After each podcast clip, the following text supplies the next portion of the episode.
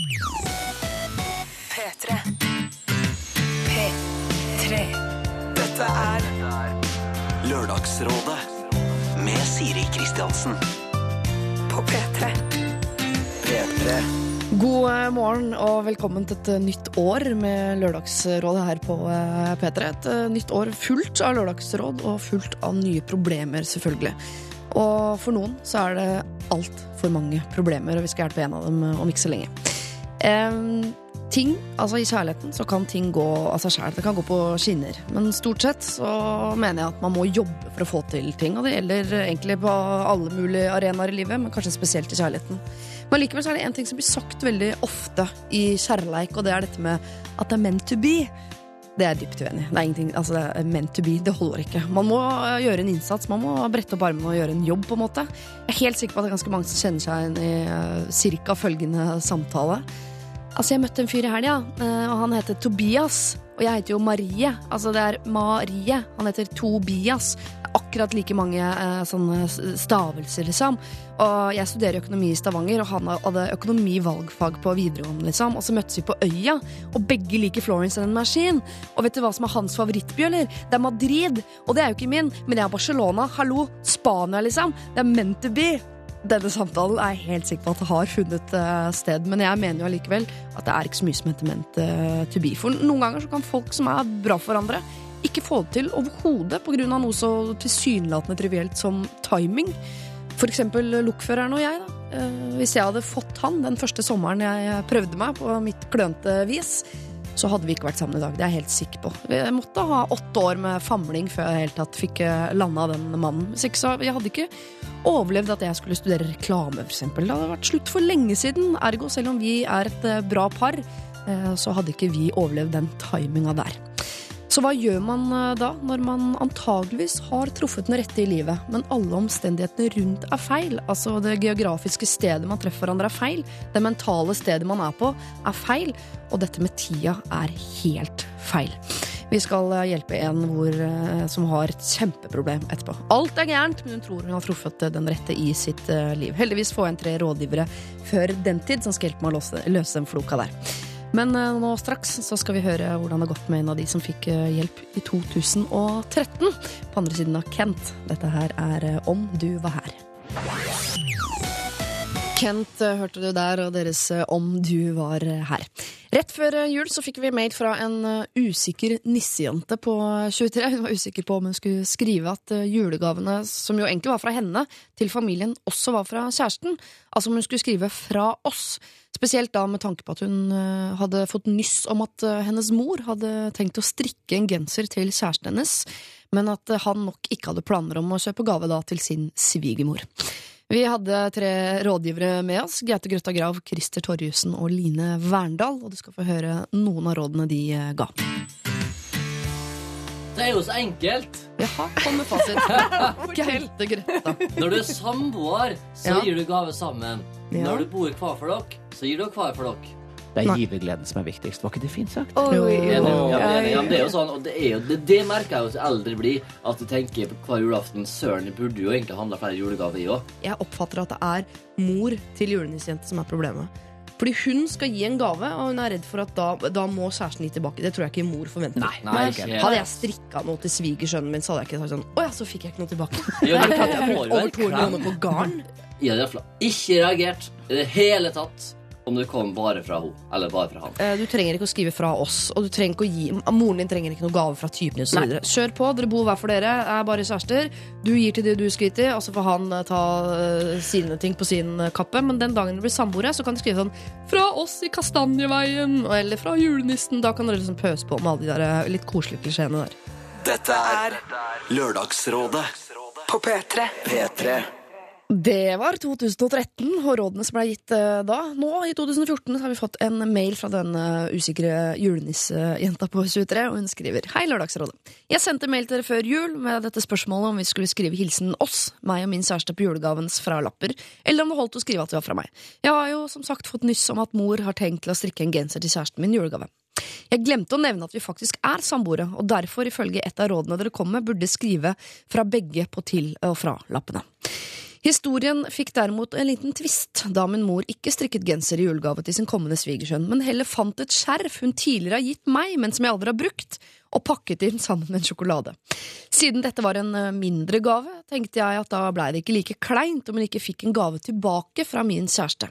Vi er eh, dessuten studenter, så hun vet at vi har dårlig råd. Så jeg skrev fra meg til alle mine, og fra oss til moren hans, for derfra fikk nemlig jeg en genser, heldigvis ikke hjemmestrikket.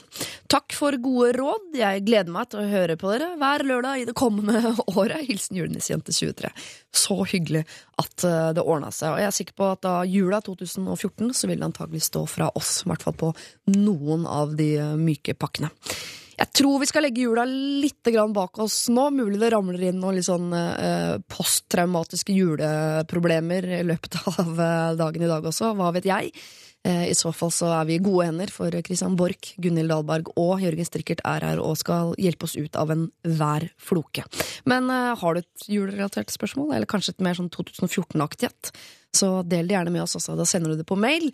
Vår adresse er lralfakrøll.nrk.no. Band of Skulls var det der, Asleep at the Wheel. Og vi har også hørt eh, Eminem sammen med Rihanna og deres da The Monster. Har fått uh, alle rådgiverne på plass. Uh, hyggelig er uh, det. Christian Borch er på plass. God morgen. God morgen, god morgen. Du sitter og tegner allerede. Vel, gjør jeg det, ja? Ja, ja. Oi. Det er så koselig. Jørgen Strikkert, du har ikke ikke begynt å tegne ennå. Jeg skal begynne med en gang. Kjempebra. Eh, Og Gunhild Dahlberg, du har i hvert fall bedt om penn og papir. Tegning eller skrift? Altså, jeg jobber både med tekst og bilder, så mulig det blir begge deler. Stemmer, du har blitt kunstner. når de greiene der. Eh, Hva skal dere i 2014? Er det noe som vil fortelle? Om planer? Planer for året som kommer? Gunhild? Ja, jeg har jo nyttårsforsettet mitt. Jeg har ikke spist godteri i januar. Ja. Jeg tenkte mer sånn på arbeidsfronten. Jeg er ikke så opptatt ja. av smågodt Ja, news. derfor. Nei, eh, jeg skal eh, i gang med en serie på VGTV som ja. har arbeidstittel 'Gunhild hjelper deg'. Ja. Vi har nå begynt med den. Eh, begynte her om dagen. Ja. Skal sendes i løpet av våren. ja. Er det Så er det Tørnquist-show Ja. som er tilbake. Mm, Men kanskje jeg er programleder. Fordi at eh, Einar dro til Antarktis i går.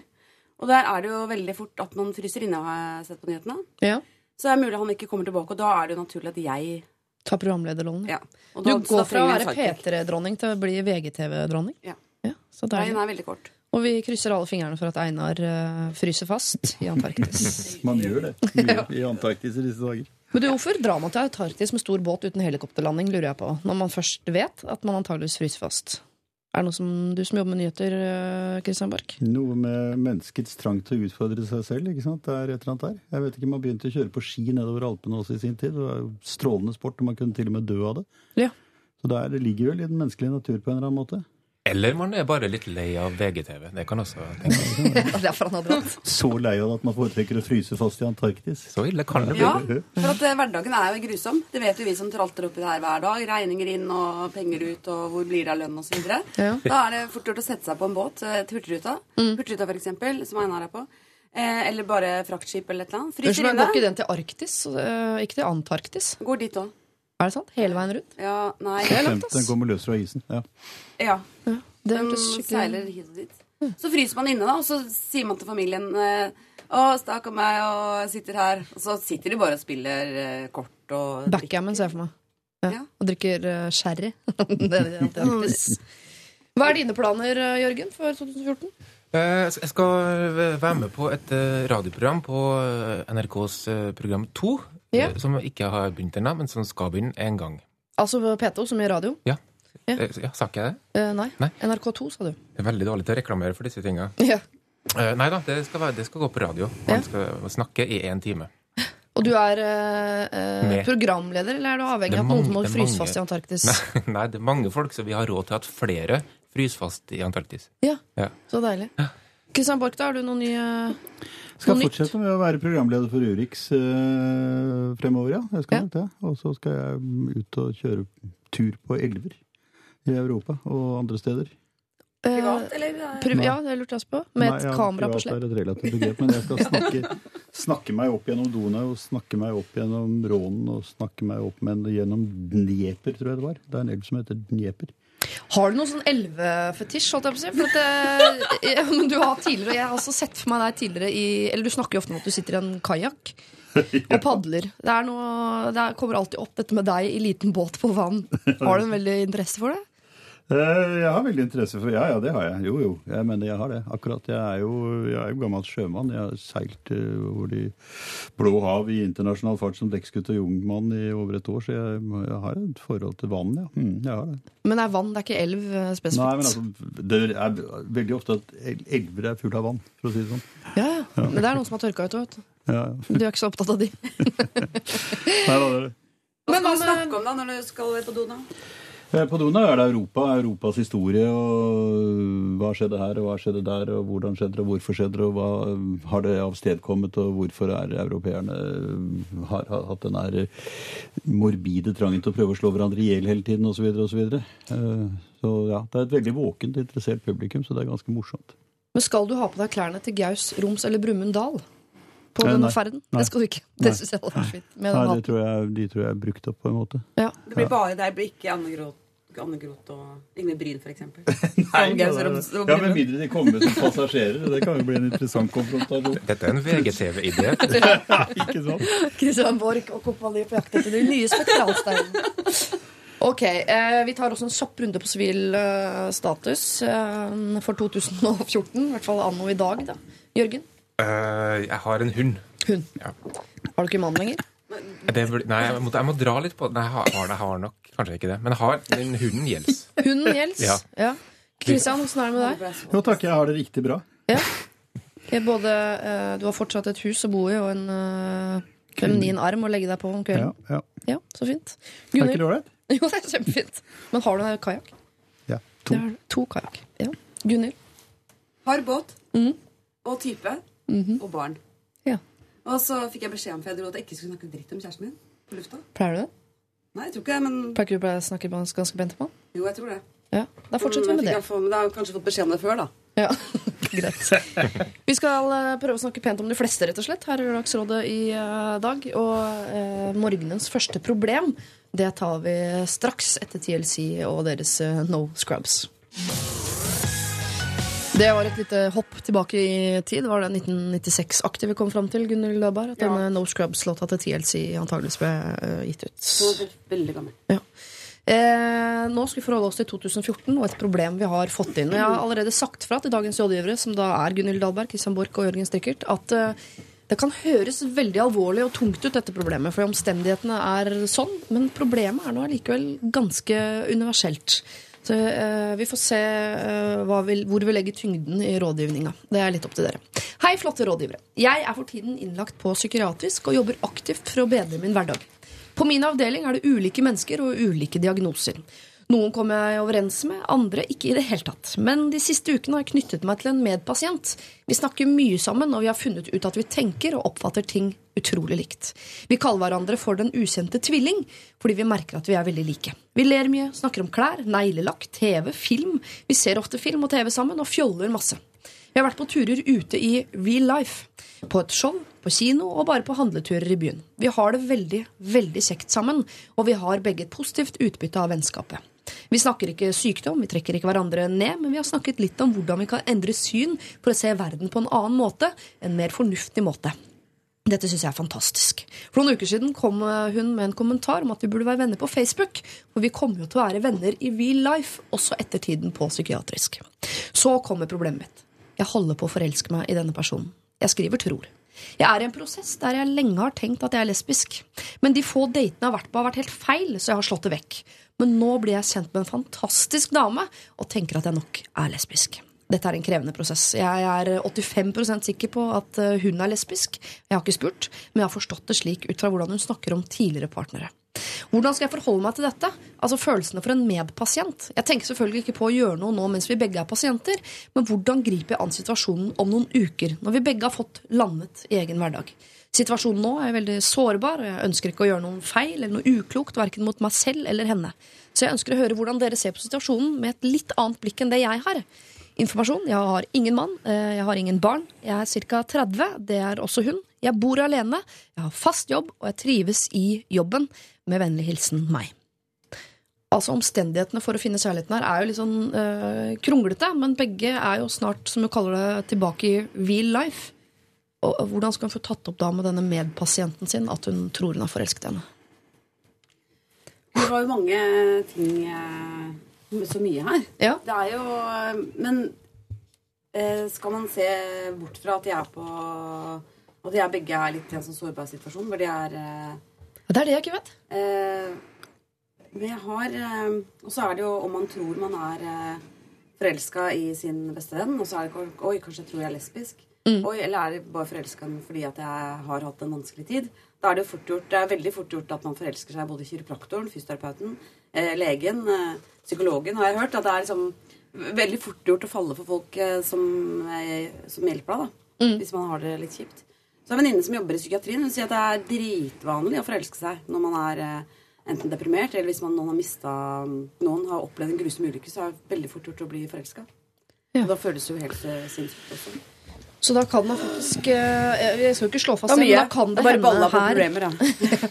at hun tror hun er forelsket fordi dette er på en måte det nærmeste hun kommer en slags trygg havn akkurat nå. Men på utsiden, og når hun da har landet i egen hverdag, så kanskje magien forsvinner. Jeg tror i hvert fall rådet til henne må være å føle seg forsiktig frem. For det er klart at omstendighetene inne på en, på en institusjon som dette, de er spesielle. Og det er klart der mm, reagerer man følelsesmessig på forskjellige måter. Eksponerer sider av seg selv, ser sider av andre som man kanskje ikke finner så eksponert i, i hverdagslivet. Der kommer det en hel rekke andre ting inn. Eh, ja, på å si Det beste rådet ville være rett og slett at hun fortsetter å holde vennskapet gående og se hvordan det utvikler seg under andre omstendigheter i den normale verden utenfor. Det virker jo som de er ganske godt forberedt på det, for så vidt, for dette kan ikke være noe særlig tungt lukket øh, fenomen, dette psykiatriske stedet de befinner seg. De er jo ute, de er på kino, de er øh, ute og spiser, de er, går og shopper osv. osv. Uh, likevel tror jeg at hun, hun, øh, hun bør liksom holde fingrene noenlunde følsomt opp i luften, lett fuktet, og se hvordan dette utvikler seg, hvor hvilken vei vinden kommer til å blåse når de er i gang med et normalt liv igjen. Vi vet jo ikke om de bor på samme kant av øh, landet engang. Nei, altså, men det er i hvert fall skapt et vennskap som bør mm, som overskrive mm, geografiske grenser, høres det ut til. Ja. For det jeg tenker, Hun øh, anser antageligvis det som et stort problem også dette med er jeg lesbisk eller ikke, er hun lesbisk eller ikke. øh, er det noen mulighet der? Det, jeg skjønner at det virker problematisk. Akkurat det synes jeg ikke egentlig er et element i dette. Det jeg synes er det største elementet i dette, er at de begge to er på et sted i livet Mm. Som de skal bli ferdig med. Men hun ønsker i hvert fall nå da, å ha med seg dette vennskapet og kanskje denne kjærligheten videre over i liksom, den friske hverdagen. Mm. Tror du det er mulig, Jørgen? Jeg har ikke vært med på akkurat denne situasjonen før. Men, Nei vel? eh, nei. Men det er mange ting her som jeg ikke har vært med på. Men, eh, men jeg er jo vel, det er jo umulig å ikke være enig med Christian Borch eh, i det meste, selvfølgelig, men også her. Og, det, og hun antyder jo det sjøl også, vår venn eh, lytteren, at, eh, at dette skal vi vente og se litt an til vi kommer hjem igjen. Ja. Og i hverdagen og ute i frisk luft og alle de tingene. Det høres jo i grunnen veldig lurt ut, syns jeg. Men det kan jo være en veldig gøyal og fin ting å, å ha i bakhuet, disse muntre tinga som skjer eh, underveis. Ja. Mm. Men alle mener at det er et, eh, og som sier også selv, et veldig godt råd å la det ligge nå så lenge de er inne på eh, psykiatrisk. At man bare fortsetter vennskapet og ikke tar noen sånne drastiske avgjørelser eller eh, steg eller grep For hun, hun Ja. sjøl sier jo det, at hun, har, hun driver og jobber, har en, en viktig prosess på gang sjøl. Og den er, den, er også, den er den viktigste som hun står i nå, antagelig. Så det bør hun sikkert prioritere. Men, eh, men i den prosessen så kan det jo likevel være gøyalt å, å ha en, eh, en, en, en, en baktanke. Men i og med at de er så innmari altså De deler jo alt nå, tenker veldig likt om ting, hjelper hverandre eh, til å ikke snakke så mye om sykdom, og det virker jo som de gjør hverandre litt friskere. Og ja, det er klart at det kan man forveksle med kjærlighet. Men så kan det jo være at det er kjærlighet. Må hun ta den prosessen aleine? Må hun tygge helt ferdig hva hun føler, før hun involverer medpasienten? Altså Hun kan jo egentlig allerede nå få beskjed om at nei, men jeg er ikke lesbisk, så er jo på en måte den døra lukket. Ja, for det tenkte jeg også mens øh, Jørgen og, Kristian snakka veldig kloke ord her. Så tenkte jeg ja, men hva med vi ikke bare kjøre på nå? Ja. Kast deg over henne.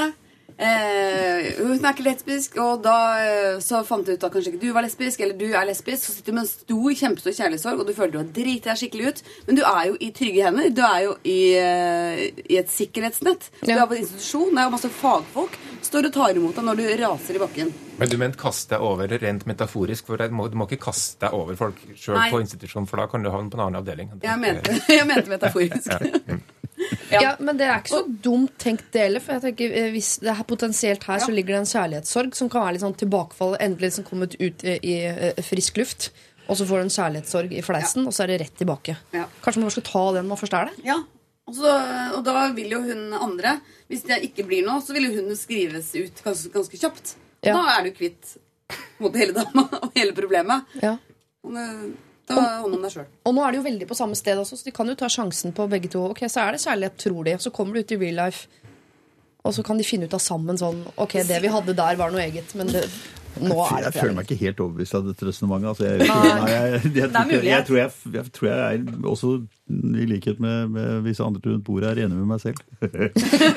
altså, jeg, jeg tror det er faktisk et poeng å prøve å, å liksom? Uansett så har de et vennskap som har utviklet seg under spesielle omstendigheter, men har utviklet seg til et tydeligvis veldig nært vennskap. Og det er det uansett verdt å gjøre noe med, fortsette å utvikle videre. Og da tror jeg hun vil se, når du kommer inn i normale samfunnsomstendigheter, hvordan resten av det hele kan komme til å utvikle seg mye klarere enn hun kan nå. For omstendighetene gjør at du kan komme ganske skeivt ut fra hoppet. Altså. Jeg er så glad for at du sa normale samfunnsomstendigheter, mens vi bruker real life. ja, ja, ja. Det er så deilig når Christian Borch setter seg i kajakken og padler oss til, padler oss til land. Inntil fornuftens altså, strand. real life betyr normale samfunnsomstendigheter. Men du sier real life, så høres det ut som jeg er med i TV-spill. Absolutt. Det var jo Var ikke det den første reality-serien noensinne? Real Life. Den het faktisk det. Var det på MTV? MTV. Mm. Ok. Jeg tror, eh, du kjære du, at du må eh, finne ut av den prosessen du står i. Det viktigste er at du nå blir frisk, og at du tenker på at du har fått deg en veldig god venn. En som gjør deg friskere. Og så får du finne ut av det der med forelskelsen litt på, på utsiden. Men jeg mener jo også at du ikke trenger å ta hele denne prosessen på egen hånd.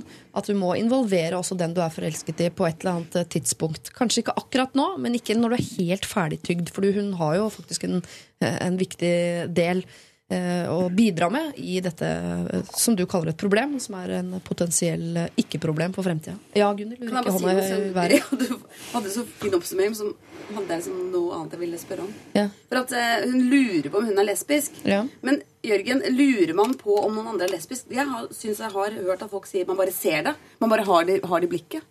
Ja, jeg vet ikke. Jeg, Du som er homofaglig ansvarlig her i studio i dag. jeg har jo elleve års erfaring som homoseksuell, men eh, før det så hadde jeg annen erfaring. Så jeg, jeg er jo av den formening at disse tingene kan skifte. At eh, akkurat på samme måte som man Nei, nå skal jeg være forsiktig, men på samme måte som man kan forandre mening om mange ting, så kan man eh, forandre mening også om det.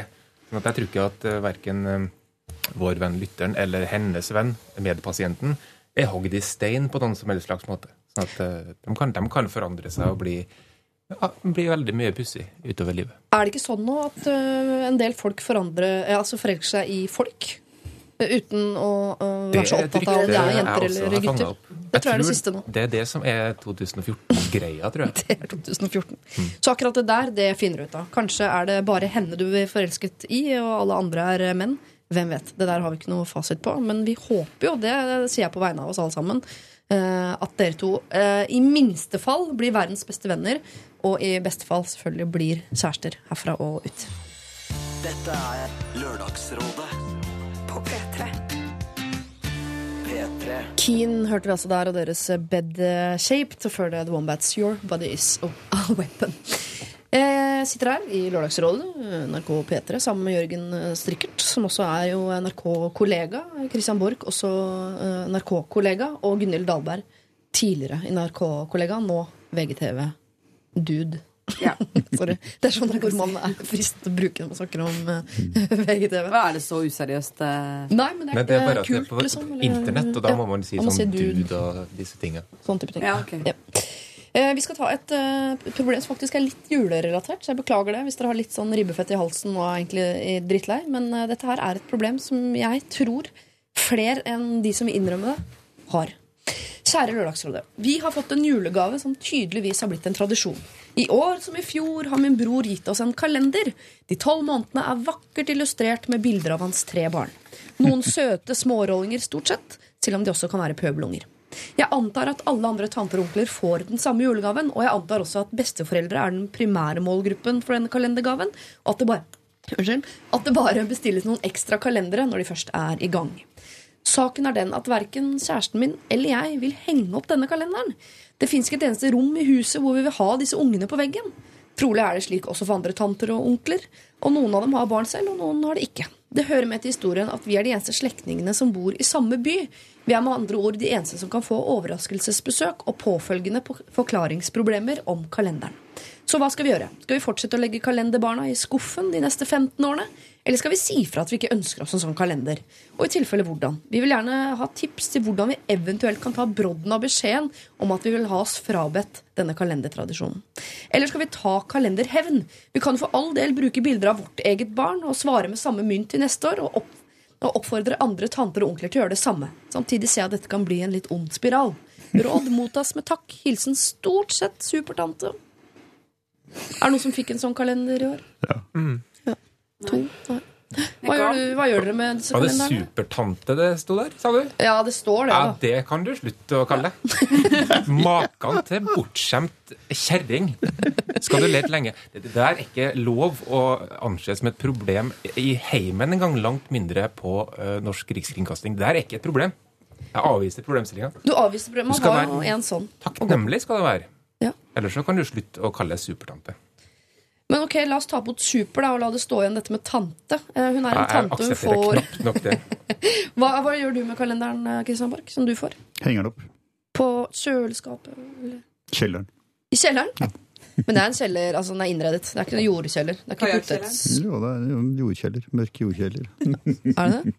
Nei, altså, jeg, nei, det er ikke fullt så Nei, nei, jeg overdriver sterkt. Men jeg, det jeg tenker på er at det går jo an å henge opp denne kalenderen gærne veien.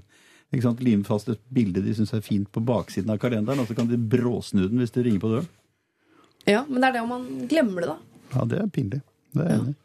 Hva slags tante er det som ikke Nei, jeg- tåler å se tante ikke, tantebarna jeg, jeg er litt enig med Kanskje Jørgen. ikke jeg er passer inn i sånn- shabby chic? Åh, gode gud i himmelen. Kanskje det er shabby, chic-stil? Men altså, det er jo et eller annet med det at uh, altså man er stolt av sine barn, og jeg syns jo den tradisjonen i og for seg er ganske god. Ja. Altså, jeg kan ikke helt se at dette skal være så veldig problematisk. Det er litt spørsmål om hvordan det gjøres, for det kan gjøres ganske morsomt. Jeg vet jeg har noen venner hvis barnebarn blir fremstilt i de mest fantastiske posisjoner og med rare bilder og sånt. Så det har liksom en sånn grafisk underholdningsverdi. Det er snåle greier og morsomme ansiktsuttrykk og en del sånne elementer eh, på den kalenderen. Jeg skjønner veldig godt foreldre som syns det er morsomt å, å liksom eksponere sine barn på den måten. Jeg kan i og for seg heller ikke som Jørgen se at dette er noe problem. altså. Jeg syns det høres litt søkt ut, for å være helt ærlig. Jeg, jeg gjør det. Men kan vi ta en runde på det der eh, behovet foreldre har for For jeg skjønner Jeg også syns selvfølgelig mine egne barn er så søte at uh, de fortjener ikke bare en kalender. De fortjener uh, altså store postere eh, rundt om i bybildet. Em, men jeg har jo da latt være å trykke opp kalendere og, og faktisk også julekort og den slags foreløpig, da. Men det er ingen garanti for fremtiden, dessverre. Eh, men hvorfor eh, Jeg syns det er så rart at ikke flere foreldre skjønner at eh, det med at barna sine er veldig veldig søte, er ganske en lokal følelse. Altså at ikke det er sånn at alle går rundt og syns at sine barn er så søte at de vil ha bilder av dem på veggen i tide og utide. Hva tenker, altså, Nei, jeg lagde en bronseskulptur av min lille sønn på sånn to år i, i mars. Men jeg ga den bare til besteforeldrene. Ja. Ikke til tanter. Men hvor, hvor, jeg, gjorde, jeg lagde ikke bronseskulptur. Skulle gjerne gjort det. Skulle gjøre det neste år. Det var en veldig god idé, egentlig. Men jeg skal lage Jeg lagde kalender Ja. til eh, besteforeldre, og de gråter jo av lykke. Ja. Syns det er så fantastisk. Det er den beste gaven de har fått. Det er bedre enn da jeg ble født, liksom, å få den kalenderen. ja. Så de kan kalle seg superbesteforeldre? besteforeldre. Men jeg ga Ja. den ikke til, eh, til tantene, for jeg tenkte at de er ikke så interessert, faktisk.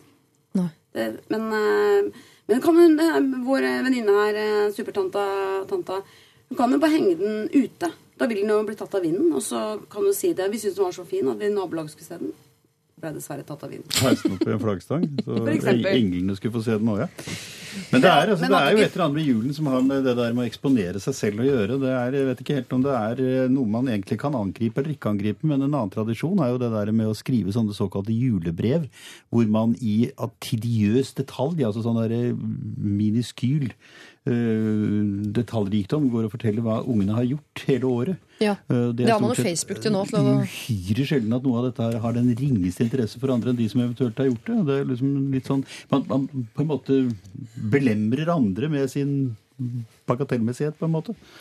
Og det er også en del av juletradisjonen hos enkelte. Og det er klart, er, julen er, burde være en tid til for selvkritikk, ja.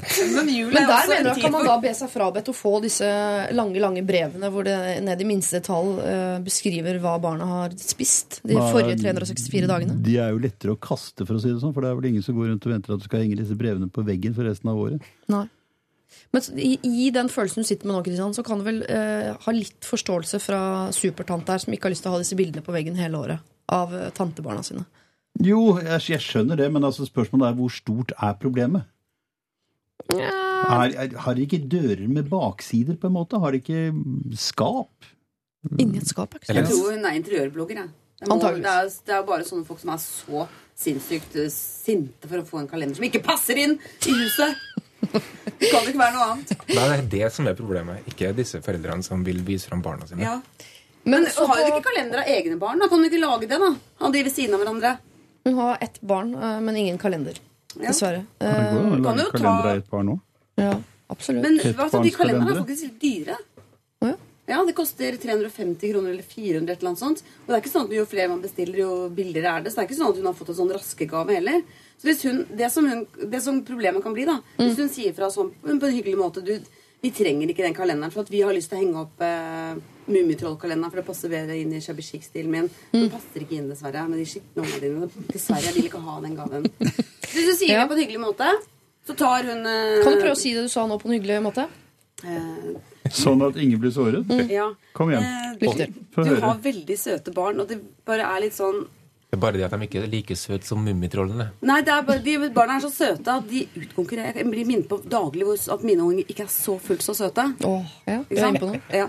Så vi vil ikke ha den sånn kalenderen. Og da, ikke sant? Da, da får de ikke den gaven. Men tydeligvis så har sender her, søstera eller de foreldrene til de tantebarna, har, har litt dårlig skjønn.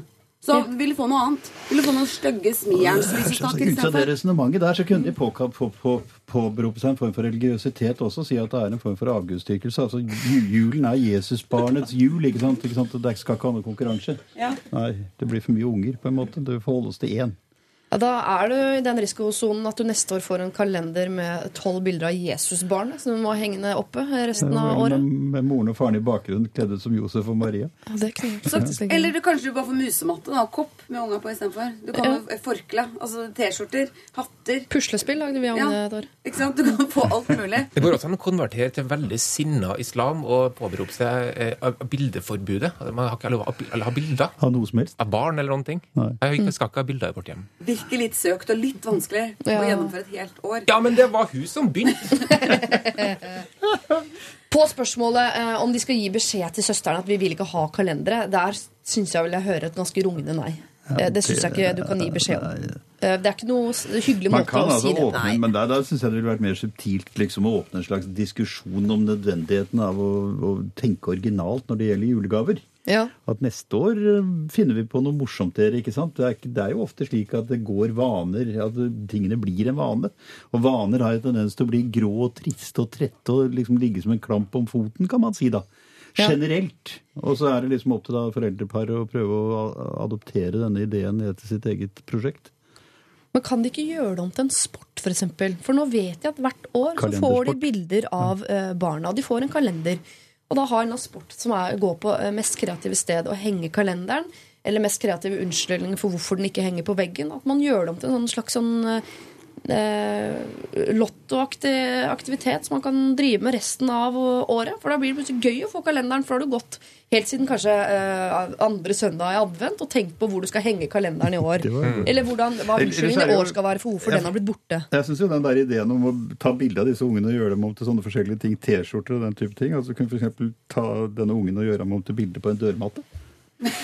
Ja, det syns jeg også er en god idé. Men hvis du først får den der kalenderen, eh, så syns jeg du må, dere må snu om det eh, til å bli et eller annet morsomt. Så ta, kan- ditt, eh, ta ditt barnehat og dyrk det, og gjør det til noe positivt. ja. Men nå vet jeg det. De tar med seg kalenderen og tar masse bilder av seg selv med kalenderen og lager ny kalender med den kalenderen. Ja. Til de til neste år. Til de til neste år, Hvis de drar på påsketur eh, på fjellet, så har de med seg kalenderen. Tar de sånn bilde i solveggen med kalenderen og smiler alle sammen. Så blir det aprilbildet neste år for den andre familien. Så har de sånn meta, meta, meta, Meta, gående. meta, meta, ja, ja. Supertante er jo redd for at det kan bli en ond spiral, men jeg tror at det er plass til en ond spiral Ja. i hele den suppa her. Det er er allerede på. godt på vei inn i den onde spiralen. Lykke til, sier vi. Unnskyld, kjære supertante. Eh, Du vil kanskje ha mer eh, sympati og klapp på skulderen. Jeg vil bare si rent personlig at jeg skjønner eh, frustrasjonen over hvor man skal henge den kalenderen. For jeg også har eh, et hjem der jeg har store problemer med å henge opp både julekort og, og tegninger fra barnehagen. Og jeg gruer meg til den dagen eh, Har du prøvd med vegger i huset? Ja, ikke med ting på, nei. For der har jeg malt i en nydelig farge. Og jeg gruer meg jo Du til er jo det interiørnase. Ja, jeg vet det. Men tenk deg når Tønna blir så gammel at han ikke bare tegner, men begynner å lage eh, dorullnisser, trolldeigkunst og den slagsen. Og faktisk er stor nok til å skjønne at hvor blei det av de greiene jeg hadde med hjem fra barnehagen, som alltid på mystisk vis forsvinner. Eh, hvorfor er det ikke på veggen, mamma? Eh, når jeg kan begynne å stille spørsmålene Jo, da sitter jeg sammen med suppa som denne såkalte supertanta. Så jeg sender litt sympati i din eh, retning. Eh, og håper at dere kan gjøre det om til noe ondskapsfullt. Skråstrek positivt. Lord var det der, og deres eh, Royals her i Lørdagsrådet. Og mens eh, de sang, så har jeg rett og slett kommet på fasit til forrige problem. Det pleier å skje innad i problemet at det dukker opp, men nå skjedde det altså litt på etterskudd. Beklager. Jeg håper ikke det er representativt for 2014, men her kommer det altså. Kjære supertante, du går sammen med din søster eller bror og foreslår eh, eh, jula 2014 så lager vi en felles kalender med bilder av alle barna og oss og gir det til mamma og pappa sammen som en kjempegave. Ja, sier søsteren eller broren din da. Og så slipper jo du, får jo ikke den under treet da, for du har jo vært med å lage den. Et voilà, solution, som du kan da presentere til eh, familien. Det kommer til å bli så god stemning jula 2014. Vær så god. Since Last Wednesday heter låta. Det var altså High As A Kite. Og jeg har kanskje glemt å si det, men du må gjerne sende inn problemet ditt eh, til oss. Fordi det er nytt år. Nye muligheter til å få hjelp her i Lørdagsrådet. Du kan sende inn på SMS. Kodeord P3 til 1987. Men eh, er du blakk, som jo folk flest er nå eh, i uh, januarmåneden, Ja. så sender du mail. Det er eh, gratis. Eller nrk.no. Er du blakk, Christian Borch? Som oftest, ja. Mm, Jeg har liksom levd et langt liv som blakk. Å ja. Er har du et forbruk ut av en uh... Er mer en sånn litt mangel på evne til å administrere min økonomi, tror jeg. Oi, det er Er surrebukk? Ja, det var veldig Ja, karakterbukk. Jørgen, mm. Eh, så du dette for deg? Nei, ikke i det hele tatt. Jeg er sjokka. Så Løste verdensproblemet verdensproblem på Urix, og privat økonomi bare Ja, Raser. snei. Kontrastene som på en måte driver hverandre frem, er det ikke et eller annet her? Ja. Ja, ja. Vi skal, inn i et, eh, vi skal inn i et problem som faktisk eh, har et element av økonomi i seg. Eh, Jeg leser. Hei, Rådi, jeg har et lite problem. Jeg leier leiligheten til min søster. Vi har alltid hatt et veldig godt søsterforhold. Eneste problemet er at hun er i overkant nøye, og jeg er over gjennomsnittet surrete og klønete. Fordi hun leide ut leiligheten sin til meg, så sjekket hun hver centimeter av leiligheten og skrev ned alt fra riper i gulv til hvor mange glass som var i skapet, sånn at hun skulle ha full oversikt. Jeg har klart å lage en stor ripe på parketten med et uhell og en fuktskade på kjøkkenbenken. Dette har jeg skjult hver gang hun har vært på besøk. Og som fattig student så har jeg ikke penger til å fikse det, men jeg vet at hun kommer til å kreve penger, eller at jeg må fikse det om hun oppdager det. Noe hun kommer til å gjøre eh, når hun flytter tilbake. Så hva skal jeg gjøre? Skal jeg legge meg flat og si det som det er, og beklage? Eller skal jeg late som ingenting og si at dette er noe som må ha vært der fra før, og at hun bare må ha glemt å skrive ned det? Med vennlig hilsen en smånervøs søster på 20 år. Dette var dramatisk. Altså, det er var derfor man har foreldre. ja. Det er akkurat derfor man har foreldre. Da ringer man foreldre sier eh, dere vet hvor eh, Psycho Klikovic, eh, søstera mi, blir. For jeg har lagd en bitte liten ripe i parketten. Stor. Ripe Ja, i men. Du sier jo ikke det til foreldrene, oh, for sånn. de er jo ikke der antagelig, så sjekker det. Så jeg er en ganske liten Hun kommer til å se Du vet hun har arvestøyden og hele. Og hun kommer til å drepe meg. og har ikke lyst Vi har jo et godt forhold, og jeg har lyst til at eh, La meg ta den telefonen, hører jeg. Jeg Helt, jeg, det, er, det er skapt for deg. Og du vet, jeg har ikke lyst til at vi skal ødelegge det, det gode forholdet vi har. Så jeg bare lurer på Har dere mulighet til å Jeg vet ikke helt hvordan jeg skal komme meg ut av det. Studielånet kommer ikke. Så sier de ja, du kan ikke få låne 5000 av oss. Mm. Du må blir tilbake. Altså, sette en en nedbetalingsplan og sånn, sier de da. Nei, de gjør ikke det. Nei, men de sier det bare. Ja, de sier det. Og så sier du ja, ja, selvfølgelig. Og så får du de pengene. Eh, fikser opp. Og så er det helt greit. Alt er glemt. Alt er glemt. Ja. Venner med søstera, foreldrene er glad for at dere fortsatt er venner. Mm. Det er ikke noe problem. Det er ikke et problem. Her er foreldre, eller det er et problem, men foreldrene er eh, løsningen. Yes. Ja. Der kommer den inn. Hva hadde du sagt, Christian Borch, hvis du Jeg fikk den telefonen der? for- Det var en veldig lur idé, det der, syns jeg. jeg. Jeg likte den der. der. Altså, Du lemper problemet over til en part som da per definisjon må være nøytral og sånn som liksom skal helle olje utover opprørt hav, ikke sant, osv. Ja, ikke utover leiligheten, selvfølgelig, men altså utover det. ja. Ja. Men altså, en, en ting vi i hvert fall ikke må gjøre, det er å ta den der eh, holdningen og si at nei, dette var her hele tiden, dette er ikke meg som har gjort. Det er bare tull, altså. En må enten legge seg flat eller gå til foreldrene. Men jeg tror det med foreldrene var Jeg hadde sans for det. Jeg syns det er litt juksete, hvis jeg er lov å si det. Hva da? Eh, Ja, det med å gå til foreldrene. Jeg er ikke- Hva hva var det for noe? 1920? 20. Voksent menneske. Ja. Jeg synes, da, må man, da må man løse sånne dagligdagse problemer sjøl. Men det går jo ikke.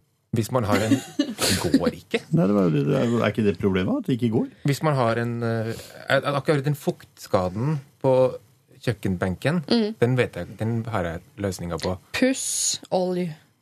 Jeg tenkte klut, jeg. Men Oh, ja, nei, nei, det er mer fukt, vet du. Tørkebenken. For vann der. Vi er fordriver ikke fukt så- med fukt. Er det noen som har sagt. Papir, da. Papir. Er Hårtørker? Ja, Man må jo stå, Hvis man har greid å lage en stor fuktskade og en stor sprekk, mm. sånn generelt i livet, så må man jo stå for det. Ja. Men hvordan gjør man det?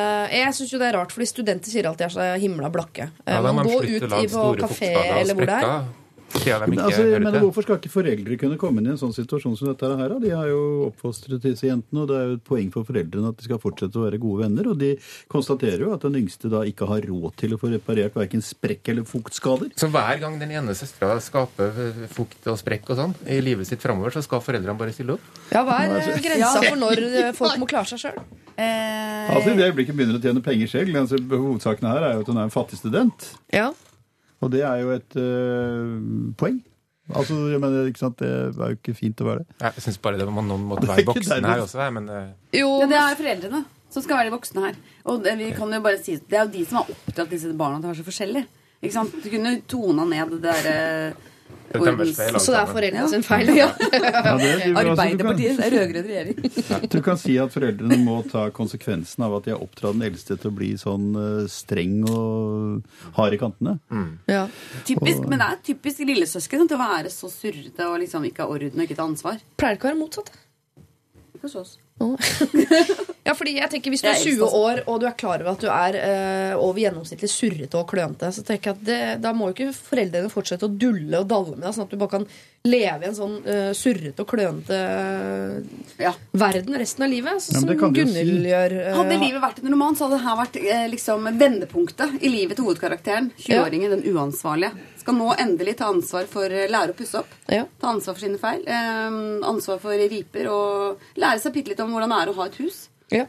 ja, for på et eller annet tidspunkt må hun lære seg det. Men er det ingen som tenker at hun kan gå til søsteren sin og si sånn og sånn er det, men jeg har ikke så god råd. Skal vi finne ut av det, eller skal vi spørre mamma og pappa om de kan hjelpe og, øh, meg? Og i så fall, og hvis man spør foreldrene, så burde man allerede i spørsmålet si at jeg kan betale dere eh, 500 kroner i månedene neste året, og du kan være så fattig student du bare vil. Men 500 kroner i måneden, eh, det bør du ha råd til. Hvis ikke så må du slutte å gå på kafé. Altså, Hvor mange kaffe latte er det? 500 kroner? Det er ti kaffe latte. Det er, ok, det er de ti mindre kaffe latte da, den måneden. Kjipt det, når du er så jævla surrete og klønete. Ja, men det mener jeg. Da må du, nå, da må du skjerpe deg. Da må du drikke mindre kaffe latte og slutte å lage hull i gulvet og Det er sikkert benken. sånn den fuktskaden har oppstått. Vet du. De Ja, søler kaffe latte over hele kjøkkenbenken, og Ja. lar det bare ligge så gnukka det inn. Ja, så har han løpt bort mot kjøkkenbenken i sånn høyhæla sko uten, med sånn, eh, hvor skrua står rett ut gjennom hælen. Ja, på vei og tatt til- brekksladda inn mot kjøkkenbenken Full for å fart kaste på seg vei over til lappen. kaffe latte-butikken i sine høye hæler. Det er Skrape opp hele gulvet. at hun tar seg et eller annet sånn innredningskurs. Da lærer hvordan man dekker sprekker i parkett og den type ting. Det kan jo komme godt med etterpå også. Ja. Gjøre det til et, et Ja. studieprosjekt, et sånt fritidsprosjekt. Hobbyen min er å reparere sprekker i parketter. ikke sant? Kan gjøre det til levevei, vet du. Mm. Ja, få en sånn spisskompetanse. Kanskje blir veldig populær i vennekretsen. og Hver gang det oppstår en sprekk i parketten, så tilkaller man Ja, jeg tror det. Det er jo veldig sånn typisk så, egentlig en studentskade, for det er da man fester som mest. Ja. Og har masse nachspiel. Og da er det jo ofte at parketten blir ødelagt. Så her er jo egentlig en veldig bra kompetanse å ha. Så en Ja, jobb, da. Svart. Smart. Men hvis du er surrete og klønete og bor i leiligheten til søsteren din, som er eh, veldig opptatt av eh, eh, fukt og alle de tingene der, så ikke ha så mye nachspiel. Helst ikke så mye nachspiel. Du trenger ikke å leie deg søsteren i utgangspunktet. Nei, antageligvis ikke. Og jeg, bare sånn litt sånn, eh, tips da, for en som er opptatt av interiør. Kjøp sånn uh, tresparkel. og Så tar du og pusser gulvet ditt først, og så ikke ta bort det du har pussa. Bare la det pussestøvet bli liggende og blande seg med tresparkeren, for da kommer sparkeren til å se ut som tre. Pusser over. Benken derimot må pusse litt ned med fint sandpapir. og Så går du over med to-tre runder med olje som du lar eh, synke helt inn i kjøkkenbenken til de ikke tar til seg fuktighet lenger. Så er skaden altså over. Det var slik at jenta du- si som kun fukt og Ja, sprekk. Ja, det var, altså, du, har, du har tatt dette kurset jeg anbefaler innsenderen å ta, du altså. Jeg har gått fukt- og sprekkskolen. Ja. Ja, det er livets skole. Du Ja, må, det blir helt du må dra til Nei. Fikse det og ta med deg VGTV. Ja. Lykke til. Det der eh, løser du. Enten sånn nevedyktig-aktig eller eh, økonomisk på en eller annen måte. Så fikser du deg. Det viktigste er at du har et godt forhold til søsteren din og mor og far. Uansett så kan vi fraråde henne og late som det ikke er noe problem. At det fins ikke, og det var ikke meg. Ikke Nei. sant? For det er, bare, det er bare dumt. Ja, ikke si at dette er du bare glemt å skrive ned. For da er du ikke bare en smånervøs søster, da er du en småkjip søster også. Og det er ikke noe hyggelig å ha på bylinen sin. Eh, send inn problemer til oss, gjerne på mail. Eh, det er jo gratis. Så er du fattig student, så er ikke det noe problem. Eh, det er da lralfakrøll.nrk.no. Godt nyttår, Truls! Det der var Tear Me Up, og før det Susanne Sundfør sammen med Røyksopp. Running to the Sea. Jeg vil gjerne si godt nyttår til Susanne Sundfør. Ja, og jeg, er det noen som vil si godt nyttår til Røyksopp? Jeg vil gjerne si takk for det gamle. Takk for det gamle. Røyksopp. Eh, Jørgen Strikkert, Christian Borch og eh, Gunhild Dahlberg er rådgivere i dag i Lørdagsrådet. Alle tre er jo eh, erfarne rådgivere her i Lørdagsrådet. Så jeg har helt liksom glemt å fortelle dere hva vi driver med og hvor vi skal, og sånn, så jeg bare stoler på at dere vet hva vi driver med. Eh, Vi skal inn i et problem som handler ja, om mat, kan vi godt si. Men jeg tror det er andre ting også som er vanskelig her. Kjære, snille Lørdagsrådet. Jeg er en 26 år gammel gutt og skriver til dere fordi kjæresten min har blitt litt vel inspirert av Ida Fladen sitt program Prosjekt Perfekt. Blant annet har hun nå begynt å kjøpe såkalt supermat. Dette er dritdyrt. Det smaker dritt. Det er umulig å bli mett av det, og dette er et problem, for vi har felles økonomi på mat. Men det aller teiteste med hennes nye liv er at hun gjør ting helt vilkårlig og feil. Altså Hun blander supermat med ting som helt tydelig ikke er supermat, og spiser fortsatt like mye ostepop og brownies som før. Da blir det veldig unødvendig å bruke 4000 kroner i måneden på supermat, føler jeg. Det største problemet er at kjæresten min eh, er utrolig dårlig på å ta imot konstruktiv kritikk. Så jeg aner ikke hvordan jeg skal få lagt det fram på en god måte. At hun burde slutte med supermat. Og at det i hvert fall er helt bortkasta når hun gjør det så halvveis. Jeg vil stoppe denne helsemanien eh, hun har fått så tidlig som mulig, og før det tar helt overhånd og hun blir en kjip person. Please, hjelp meg. Med vennlig hilsen gutt 26. Oi sann. Ja, det her, Ja. var, her var det en rekke problemer på en gang. Altså, dette gjaldt ikke bare mat. Nei, Hva vil du si er det største problemet her? Ja, Det største problemet er jo kommunikasjonen. Ja. Altså, Hvis han ikke greier å overbevise henne om at dette her går på trynet, at det er ganske rotete og tullete og at det er ubehagelig osv., så, videre, så har de simpelthen et kommunikasjonsproblem som er ganske alvorlig. Kan vi bare ganske tidlig nå, siden dette er allmennkringkasting, fortelle hva supermat er? Ikke minst til meg. Det er mat som er helt super. Hva betyr det for deg? Eh, nei, jeg, jeg tror det er eh, tang og tare og gressrøtter og Spirulina, er spiru- ikke det- Alt som er grønt og smaker Ting fra havet og som ikke er noe godt? Ja. Ok. Ja, så tror det er knust sammen. Sånn at du spiser Ta en shot hvetegress, så har du spist fem om dagen. Og det er sant at det koster så mye penger? Det er kjempedyrt. ja. Okay. Liksom. Og mange vil påstå at det er tull og fjas og Ja. fanteri. Men det er nok en sånn bølge, da, om du vil. Mm. Eh, Hun bruker altså 4000 kroner i måneden på dette her, på et felles matbudsjett. Og i tillegg spiser hun ostepop og brownies, som jeg jo mener at slår litt beina under hvetegress. Det gjør det. Ja. Hva Super. Altså, jeg syns ostepop og brownies er supermat. ja. ja. Det er jo så sinnssykt godt. Akkurat de to tingene der. Noe av det beste jeg vet. Eh, og jeg er også veldig dårlig til å ta konstruktiv kritikk. Er veldig dårlig til å ta kritikk i, sånn, i heimen. Blir veldig oppfarende. Så jeg skulle nesten tro at det var kjæresten min som hadde skrevet inn. Bortsett fra supermat. Ja. Det driver jeg ikke med. Jeg har ikke noe råd å komme med. Men hva er det Det var for nært. Hvis hun er dårlig på konstruktiv kritikk Jeg tenker at Hvis gutt 26 hadde gått inn her og sagt sånn eh, Du må slutte med ostepop og brownies. Det er en vanskeligere beskjed å gi, for da er det mange jenter som vil steile og si sånn Ja vel? Syns du jeg er tjukk? Aktig. Men å be henne slutte med supermat, det burde vel være en grei beskjed å gi. Ja, altså, jeg mener Man kommuniserer ikke ved å gi hverandre beskjeder. Det går ikke an å si at du er en tosk som gjør dette, og så må man tro at alt blir bedre etter det. Altså, Konstruktiv kritikk består jo av at man tar opp en dialog. Man snakker sammen. Man argumenterer. Man eh, kan jo f.eks. gå den stikk motsatte veien og si at du, jeg syns det er en kjempegod idé, dette du driver med. Jeg syns du bør øke budsjettet litt. Jeg syns du bør spise mer hvetegress. Du blir så pen av det. ikke sant, og så videre, Prøve å få henne til å begynne å se dette i et litt annet lys. Eh, altså Det der å si at dette kan jeg ikke ha, det, det hjelper ikke. Sånn kommuniserer ikke mennesker. Bør, altså ja, Det blir i hvert fall ikke noe bra ut av det. Men det var så mange elementer oppi her. Eh, altså, Bodde de sammen? Går det her Ja. utover han? Ja, det, er- de har felles økonomi Og på felles mat. økonomi, ja, det var et stort problem, ja. Ja. Da må de ikke De må slutte med å ha felles økonomi. Hun får dyrke eh, Men Brownies ostepop er veldig billig. Så det er mulig at det går opp. opp. Hvorfor kan ikke han da liksom virkelig vise hvor fjollete dette her er, og begynne å gafle i seg supermat selv også? Så kan hun se på hvordan det tar seg ut, og så kan hun si som så at eh, ja, så kan han øke sitt forbruk av dette her, slik at det går liksom rett down the drain, så det blir noen krisemaksimering. Altså, du Men mener at de skal altså øke eh, Hvis han blir helsematfrik, Ja. supermatfrik, ja. så er det sannsynlig at han tvinger henne over i motsatt eh, banehalvdel øyeblikkelig. Da må også få dreads, gå i batikk og begynne med yoga. Da er det mulig hun våkner fra supermatsfæren hun driver og romsterer rundt i. Men hva med hvis man har dårlig ja, for Jeg er helt enig med Christian Borch at det er jo litt sånn mangel på kommunikasjon. Eh, Det er vel ofte problem i forhold. Men eh, om ikke kommunikasjonen funker, så har vi jo her et ganske enkelt mattestykke. Altså, Vi har et eh, felles økonomi på mat. Så og så mye skal vi bruke på mat i måneden. Nå bruker du 4000 på supermat. Det mattestykket går ikke opp. Kan man ikke noen ganger når ikke følelser funker, så må man appellere til fornuften. Altså tallene, kalkulatoren, Det er jo helt sinnssykt mye å bruke på en eh, hvetegressshot hver morgen. Ja, enig. For det er supermat, det spiser man vel bare om morgenen? Er det ikke sånn man drikker? Det er ikke noe sånn man spiser til middag? Er det ikke sånn shake? Jeg liker den stemmen din når du sier dette her. Altså, det høres ut som du oppfatter dette som dritt fra A til Z hele veien bortover. Ja, jeg tror det er ganske Det er- det er tror det, antagelig sitter, det. det er jo to er altså- veldig rike jenter, som, to damer som har tjent seg ganske rike på det her i Norge. Ja. Og, eh, Ok, Så du forsvarer det ut ifra et BNP-synspunkt? Dette, dette, det lønner seg for Norge som nasjon?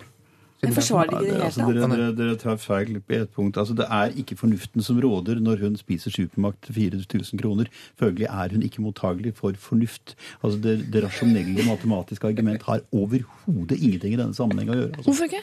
Det Nei, for dette er, altså, ikke sant? Jeg mener Fornuften er allerede suspendert. Altså, den er satt til side. Den er ikke, den er ikke til stede når hun bruker 4000 kroner på gress og tare. Som en annen hest, liksom. Jo, men Da mener jeg at da må man gå litt sånn uh, teenage boss til verks her, hvis dere så det TV-programmet på NRK. At man må fysisk legge eller La oss si at de har 8000 kroner i måneden som er felles. Og man legger det i hundrelapper i en sånn uh, metallkoffert. Sånn at hun får et inntrykk av hva 8000 kroner er i hundrelapper. Og så må han legge til sin sånn 4000 av det bruker du på supermat. Da har vi en dette. Altså, han må uh, mate det inn med altså, teskje. At hun må virkelig forstå at 4000 kroner på mat som smaker dritt, og man ikke blir mett av, fungerer ikke når man har fellesøkonomi. Eh, jeg skulle gjerne visst hvor lenge dette har vart. jeg. For altså, Normalt sett så vil en sånn uh, idé som dette her ha en, noen måneders varighet, og så vil det dø hen. Ja, Da er hun også på ketosemat, så da må hun kjøpe ketosestikk. Så hun ja, det er så mange så Dette her Jeg er helt sikker på at dette er en jente som alltid spiser ostepop og brownies, og så har hun en eller annen diett i tillegg som enten er eh, eh, da supermat, eller ketosedietten, eller Grete Rode-dietten, eller Fedon Lindberg-dietten, eller eh, Atkins-dietten, eller altså i det hele tatt. Det fins jo tre millioner eh, Chili Forte-dietten. Altså, hun bruker 4000 kroner i måneden på Vås, og i tillegg ca. 500 kroner på ostepop og brownies. Men hvis de har felles matbudsjett, så tror jeg det kan være altså, et dobbelt godt råd at han begynner å spise supermat. At han driver og gafler i seg like mye tang og tare som hun gjør. Eh, dels vil han da vise henne hvor dumt dette er, og dels vil hun da forstå at dette her er altså ikke noe man kan drive i kompaniskap når man har et felles matbudsjett og et felles liv. Men er det ikke bedre Altså å gå si foran med et elendig eksempel, for å si det sånn. ja, men det er jo som Hvis kjæresten din går på heroin, så skal du også begynne på heroin for å vise hvor dumt det er. Det er bedre å si du kan ikke bruke altså, Hvis du skal bruke de pengene Hør, da. Altså, heroin er vanedannende, men altså, gress og tang og tare er ikke vanedannende. Believe me, baby. Jeg tror du blir ganske fort lei av det. altså. Jeg var overraska hvor lenge dere var stille på det argumentet. Med heroin? Men Men hun må jo bare si hvis du skal bruke penger på Supermann, så må du ta de av din egen lomme. Bitch. Ok. Det er mye, jeg synes det er mye eh, råd som går på at de må bli bedre på kommunikasjon. Men de Ja. praktiske rådene som gis, er altså at han skal bli helt idiot på Supermat, han også. Og at han skal kalle det en bitch. Er, altså, er vi i retning av noe som er god kommunikasjon her? Hun har jo en rar hobby. Det, er jo det, som er, det har jo ingenting med næring å gjøre, dette her, eller mat. Det hun har en underlig hobby, og det er jo som du sier, Siri, at eh, når hun er ferdig med dette supermattøyset, så kommer et nytt tøys antagelig, Ja. som koster omtrent det samme. Så det må, da, hvis hun skal ha underlige, sære hobbyer som koster så mange penger, så blir hun nødt til å betale for dem sjøl. Enig. Jeg syns at eh, på dette felles økonomigreiene sine, så må de være enige om hva det er som er felles mat, og det er da ikke eh, tang og tare, Som blant annet. Og så i tillegg kan man ha sin egen Man bruker sine egne lommepenger på hva man vil. Men det Hvis du vil første, kjøpe første, akaifrø, så det, første og det største problemet og den virkelige utfordringen her ligger i å finne en måte å kommunisere på, for det må de finne ut. Hvis dette forholdet skal ha noen fremtid. Ja. Uansett. Og så Og det er kanskje der, der problemet ligger, egentlig. Rikskringkastingen burde nok også gå i seg sjøl her, hvis det er sånn at dette, at ei ung jente har begynt å spise tang og gress og sånn fordi hun har sett det på, på NRK Allmenn- Fjernsynet. Allmennkringkasteren. For Det var, jeg så faktisk siste episode med det Prosjekt Perfekt. Ja. Og det Ida Fladen skulle fortsette med, var jo supermat. Ja. Så sånn trent og trent og trent og trent. Det hun skulle ta med seg videre, var litt trening og supermat. Hun satt jo også foran en sånn superboss, eller sånn teenageboss. Og det kosta jo Hun hadde jo egentlig ikke råd til det. Nei. Hun fikk en kattebuss, da. Ja. Men derfor tenkte jeg allmennkringkastingen har sin skyld her. Send regninga til NRK. Slutt å betale lisens, rett og slett. Så Det er det sånn alltid, cirka alltid, morsomt å kunne, alltid morsomt å kunne avslutte en rådgivende med litt selvkritikk. Mm, akkurat på standens vegne. Rød-grønn regjering. Og der, vips, så var vi plutselig tre til som må begynne å jobbe i VGTV. Sånn har det blitt. Du, kjære gutt 26, jeg skjønner at dette er eh, frustrerende, og at det er vanskelig å kommunisere med en som er dårlig på konstruktiv kritikk. Men kanskje du er litt dårlig på akkurat hvordan du gir kritikk også. For det er ofte at man sier konstruktiv kritikk, men i praksis så er det bare kritikk. Og det er det ingen som er gode på å få. Men denne hobbyen hun har til 4000 kroner i måneden, det må hun ta av egen lomme. Og hvordan du får lagt fram det eh, budskapet, om det er via en kalkulator, eller om det er via Facebook, eller den gode gamle metoden, prat over kjøkkenbordet, eller bil, som er min favoritt. Eh, ja, det får du nesten eh, ta en runde på sjæl. Men fortell oss eh, hvordan det gikk. Vi lurer på er hun fortsatt på supermat, eller er det ketose som gjelder om eh, dagen? Er hun fortsatt på ostepop og brownies, eller hva det er det går i? Eh, Send det inn til eh, Lørdagsrådet. LR, alfakrøll, nrk.no. Matilda var det, og When Something Ends. Og nå skal vi altså inn i bryllupsproblematikkverden, som er eh, stor. Og med meg inn dit tar jeg med meg Gunhild Dahlberg, Jørgen Stikkert og Christian Borch. Hei, jeg har et lite problem. Jeg lurer på om dere kan hjelpe meg. En venninne av meg skal gifte seg. Hun har invitert til bryllup på et stilig gods i Danmark. Det er et flott sted, de har besøkt det på ferie, men ingen av dem er derfra. Gjestene betaler reise og opphold selv. Det er lagt opp til at eh, en kommer dagen før og blir til dagen etter. Alle bor på godset. For min del handler det om 5000 kroner minst. Flyavstand. Det er en del penger, men eh, jeg vil jo være der på min venninnes store dag. Hun er en god venninne, men ikke en av mine nærmeste. De har invitert ca. 80 gjester, og en god del av dem er deres venner. På bryllupsinvitasjonen står det at de ønsker at folk kommer og bor der eh, istedenfor gave. Mitt spørsmål er kjøper man allikevel en eh, like stor bryllupsgave ved siden av? Kjøper man en eh, liten ting? Hvor mye? Kan man ta dem på ordet og kun møte opp som gave? Føler det er superkoselig å bli bedt, men må innrømme at det svir litt å bruke hele feriebudsjettet mitt på dette. Hilsen jente 29. Altså Vanligvis i sånne programmer så sier jeg jo at jeg syns at når man inviterer til et sted hvor man må eh, reise og bo og bruke penger på de tingene der, så skal man si at eh, det er bryllupsgaven. Vi ønsker ikke noe gave, vi ønsker bare at dere kommer. Og her er jo det gjort. Så, eh, Men allikevel så sitter jente 29 og syns det er A for mye penger å bruke på bryllup, men B lurer oss på Mener man det når man skriver invitasjon at man ikke vil ha gave, eller er det kokettering? Nei, det, jeg tror ikke det der, der er kokettering. Det er jo, de er jo, må jo være fullt klar over at de påfører gjestene sine betydelige utgifter. Og det tror jeg de mener. Altså Rett og slett at begivenheten i seg selv skal være så minnerik for dem at dette her er en gave. Og Ja. jeg tror jeg vil ta dem på ordet. Man må jo stole på det som står i en bryllupsinvitasjon. Hvis ikke de mener det som står der, hva er det da de mener? Skal de i hele tatt gifte seg? Elsker de hverandre? Jeg er helt enig. Men eh, selv om de mener det, så kan man jo eh, ryke på den at en del av gjestene i tillegg har sagt sånn Ja, men jeg er så glad i dere at jeg har kjøpt gave allikevel, jeg. Og har ikke du? Hvem er du? Ja, det ligger jo, er det ikke, ligger jo nesten i vår natur, skulle jeg til å si. At man tar med en liten bryllupsgave, selv om det står i invitasjonen at man ikke skal gjøre det. Ja. For det er jo, det er jo Er det ikke derfor man har bryllup, da? For å få gaver? Nei, du blander konfirmasjon. Å, ja. Nei, men man skulle få sånn brudekiste. Hvis du ikke fikk nok i brudekista, Ja. Så har du bryllup, for da får du med deg ting oppi den som du kan ha med deg eh, når eh, økonomien begynner å rase. Jeg lurer på om det var Ja. før i tida. Jeg har også lurt på om det var før i tida. Tror det var. Ja. Ja, Jeg husker når vi hadde Lørdagsrådet i år eh, 829 etter Kristus. Da ga vi det rådet, og det funka. Men nå er det helt nye tider. Ja. Det er jo helt sinnssykt å ha en bryllupsfest som koster 5000 kroner å delta. Ja. Det koster jo, da kan du jo gå på Ylvis i Spektrum fem ganger. Disney on Ice. Men samtidig, hvorfor skulle du gjøre det? Ja, Ja, Det er også et godt, godt spørsmål. Eller du kan eh, du kan, jo, det kan være en hel Det kan være to uker da, på Korfu. Det er jo to uker fest istedenfor en natt i Danmark. ja. Utrolig dårlig deal. Hva ville du gjort da, Gunnhild, hvis en venninne av deg skulle gifte seg i, eh, ja, på et gods i Danmark? da? Jeg tror ikke jeg hadde hatt eh, råd til å feire et bryllup en natt til 5000 kroner. Og bruke hele ferien min på det. det er råd. Det er en ting. Jeg hadde ikke, jeg hadde ikke giddet jeg. Nei. Såpass uh, smålig er jeg. Jeg også, jeg har ikke gått i utdrikningslag, for jeg, hadde ikke penger til å være med på et 1300 kroners uh, utdrikningslag i min studentperiode. Nei. Det har, det, altså, det har tatt helt av. Men det er jo en måte å komme seg unna hele problemet her. Jente 29 kan jo la være å dra i bryllupet. Da ikke bare uh, slipper hun å betale de 5000 kroner, hun slipper også å ta stilling til om hun det hele tatt skal kjøpe en bryllupsgave, og hvor dyr den eventuelt da uh, måtte være. Men da går hun glipp av denne dagen med venninnen sin. Jeg lurer på om vi mangler et par forutsetninger her. For jeg ville jo tro at dette brudeparet hadde snakket med sine venner på forhånd og spurt om dette var en artig ting å gjøre. Nei, sånt Nei, gjør man ikke. Det er samme kalenderen som vi var inne på før i dag. Nei. Bare tror alle vil ha det du vil ha. Når man gifter seg, så er man på Typisk. det mest egoistiske stedet i, man er innom i løpet av livet. Ja.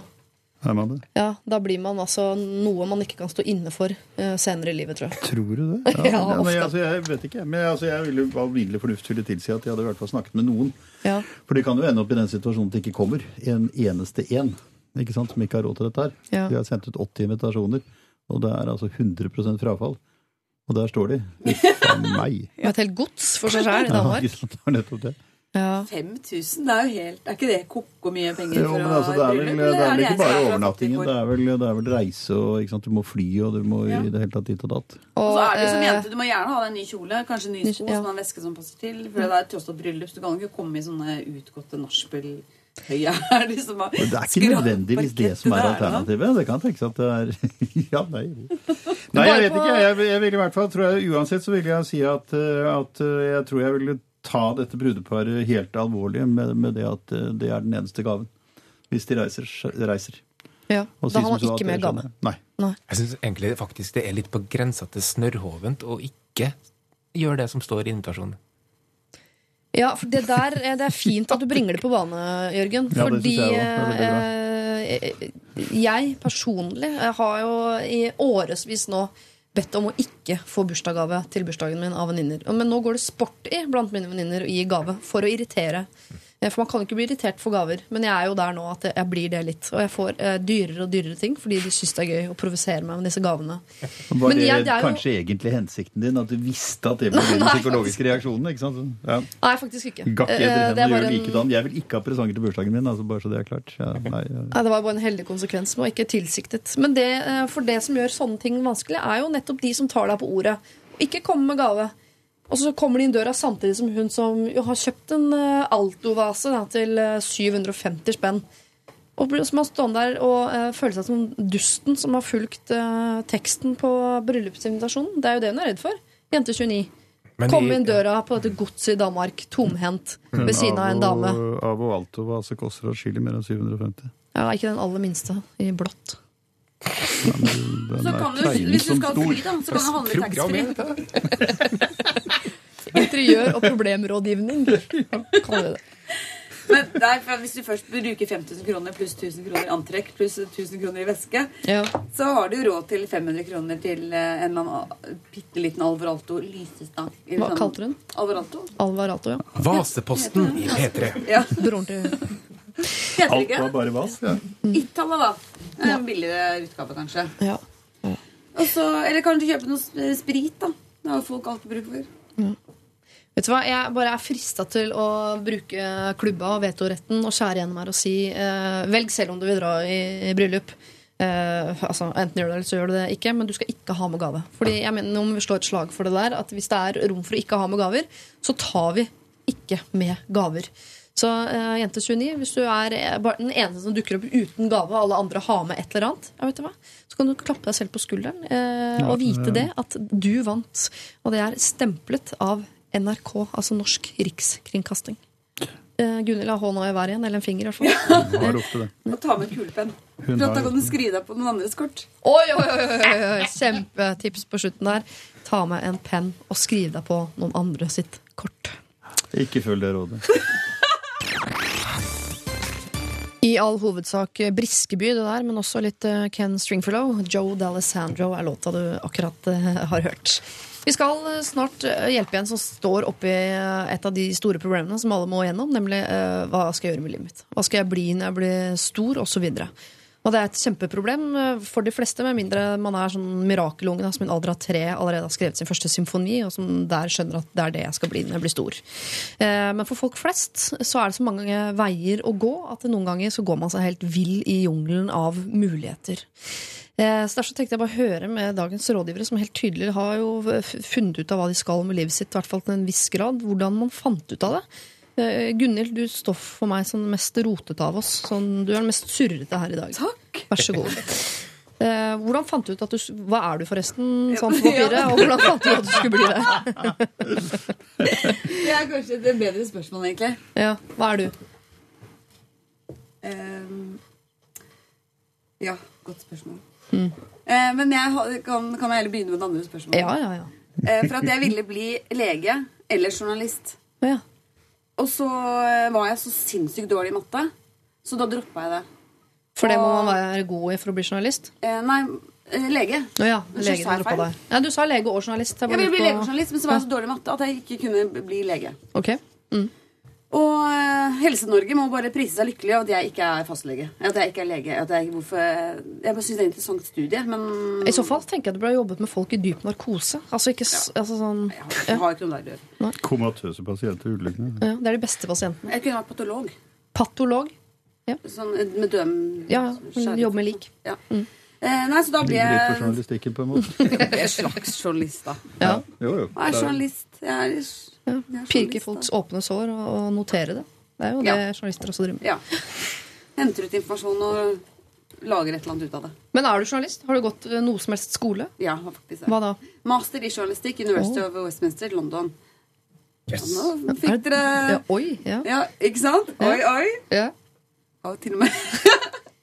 Men du hadde ikke noe sånn kall at du plutselig en dag på en uh, gatekafé i, på Champs-Élysées fant ut Ping!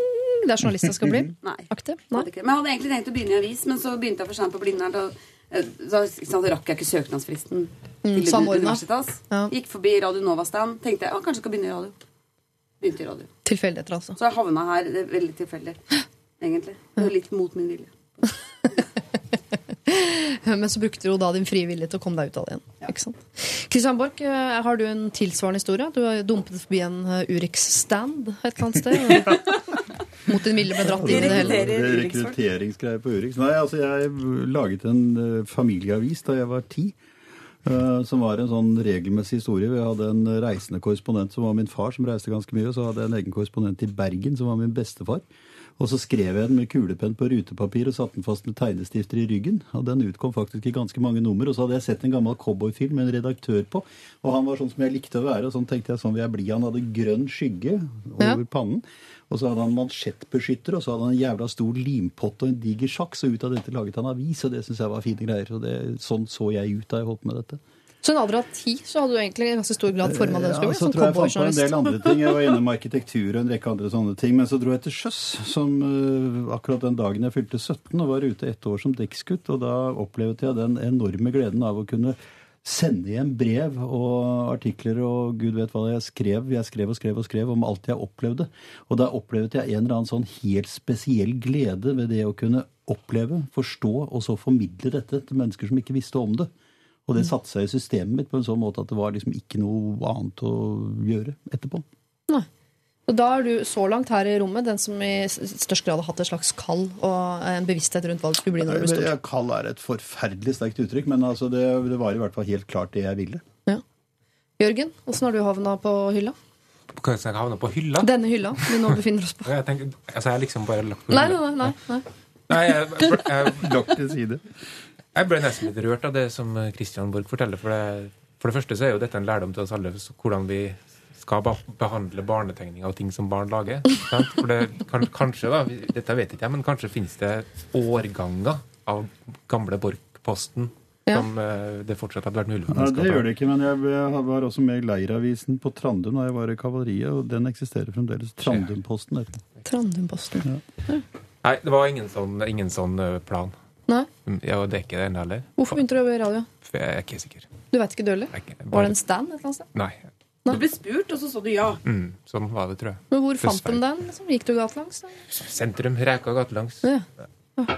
Det er det der som er så irriterende, nemlig. Fordi når folk går rundt og lurer på hva de skal bli når de blir store, så spør man folk, store folk eh, som har blitt store, og som jobber med ting. Hvordan fikk du den jobben du vil ha? For din jobb har jeg lyst på. Sånn har jeg lyst til å bli, eller det har jeg lyst til å drive med.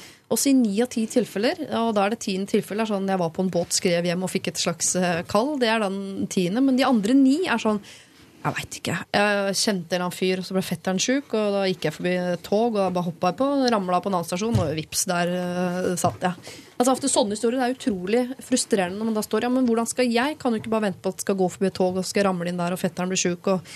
Altså Det er helt umulig å finne den veien fram til dit hvor man vil bli, for det virker som om alle andre er der ved en tilfeldighet. Allikevel så skal vi gjøre et forsøk på å, om ikke annet, hvert fall hjelpe en jente med å finne ut av hva hun skal bli når hun blir stor.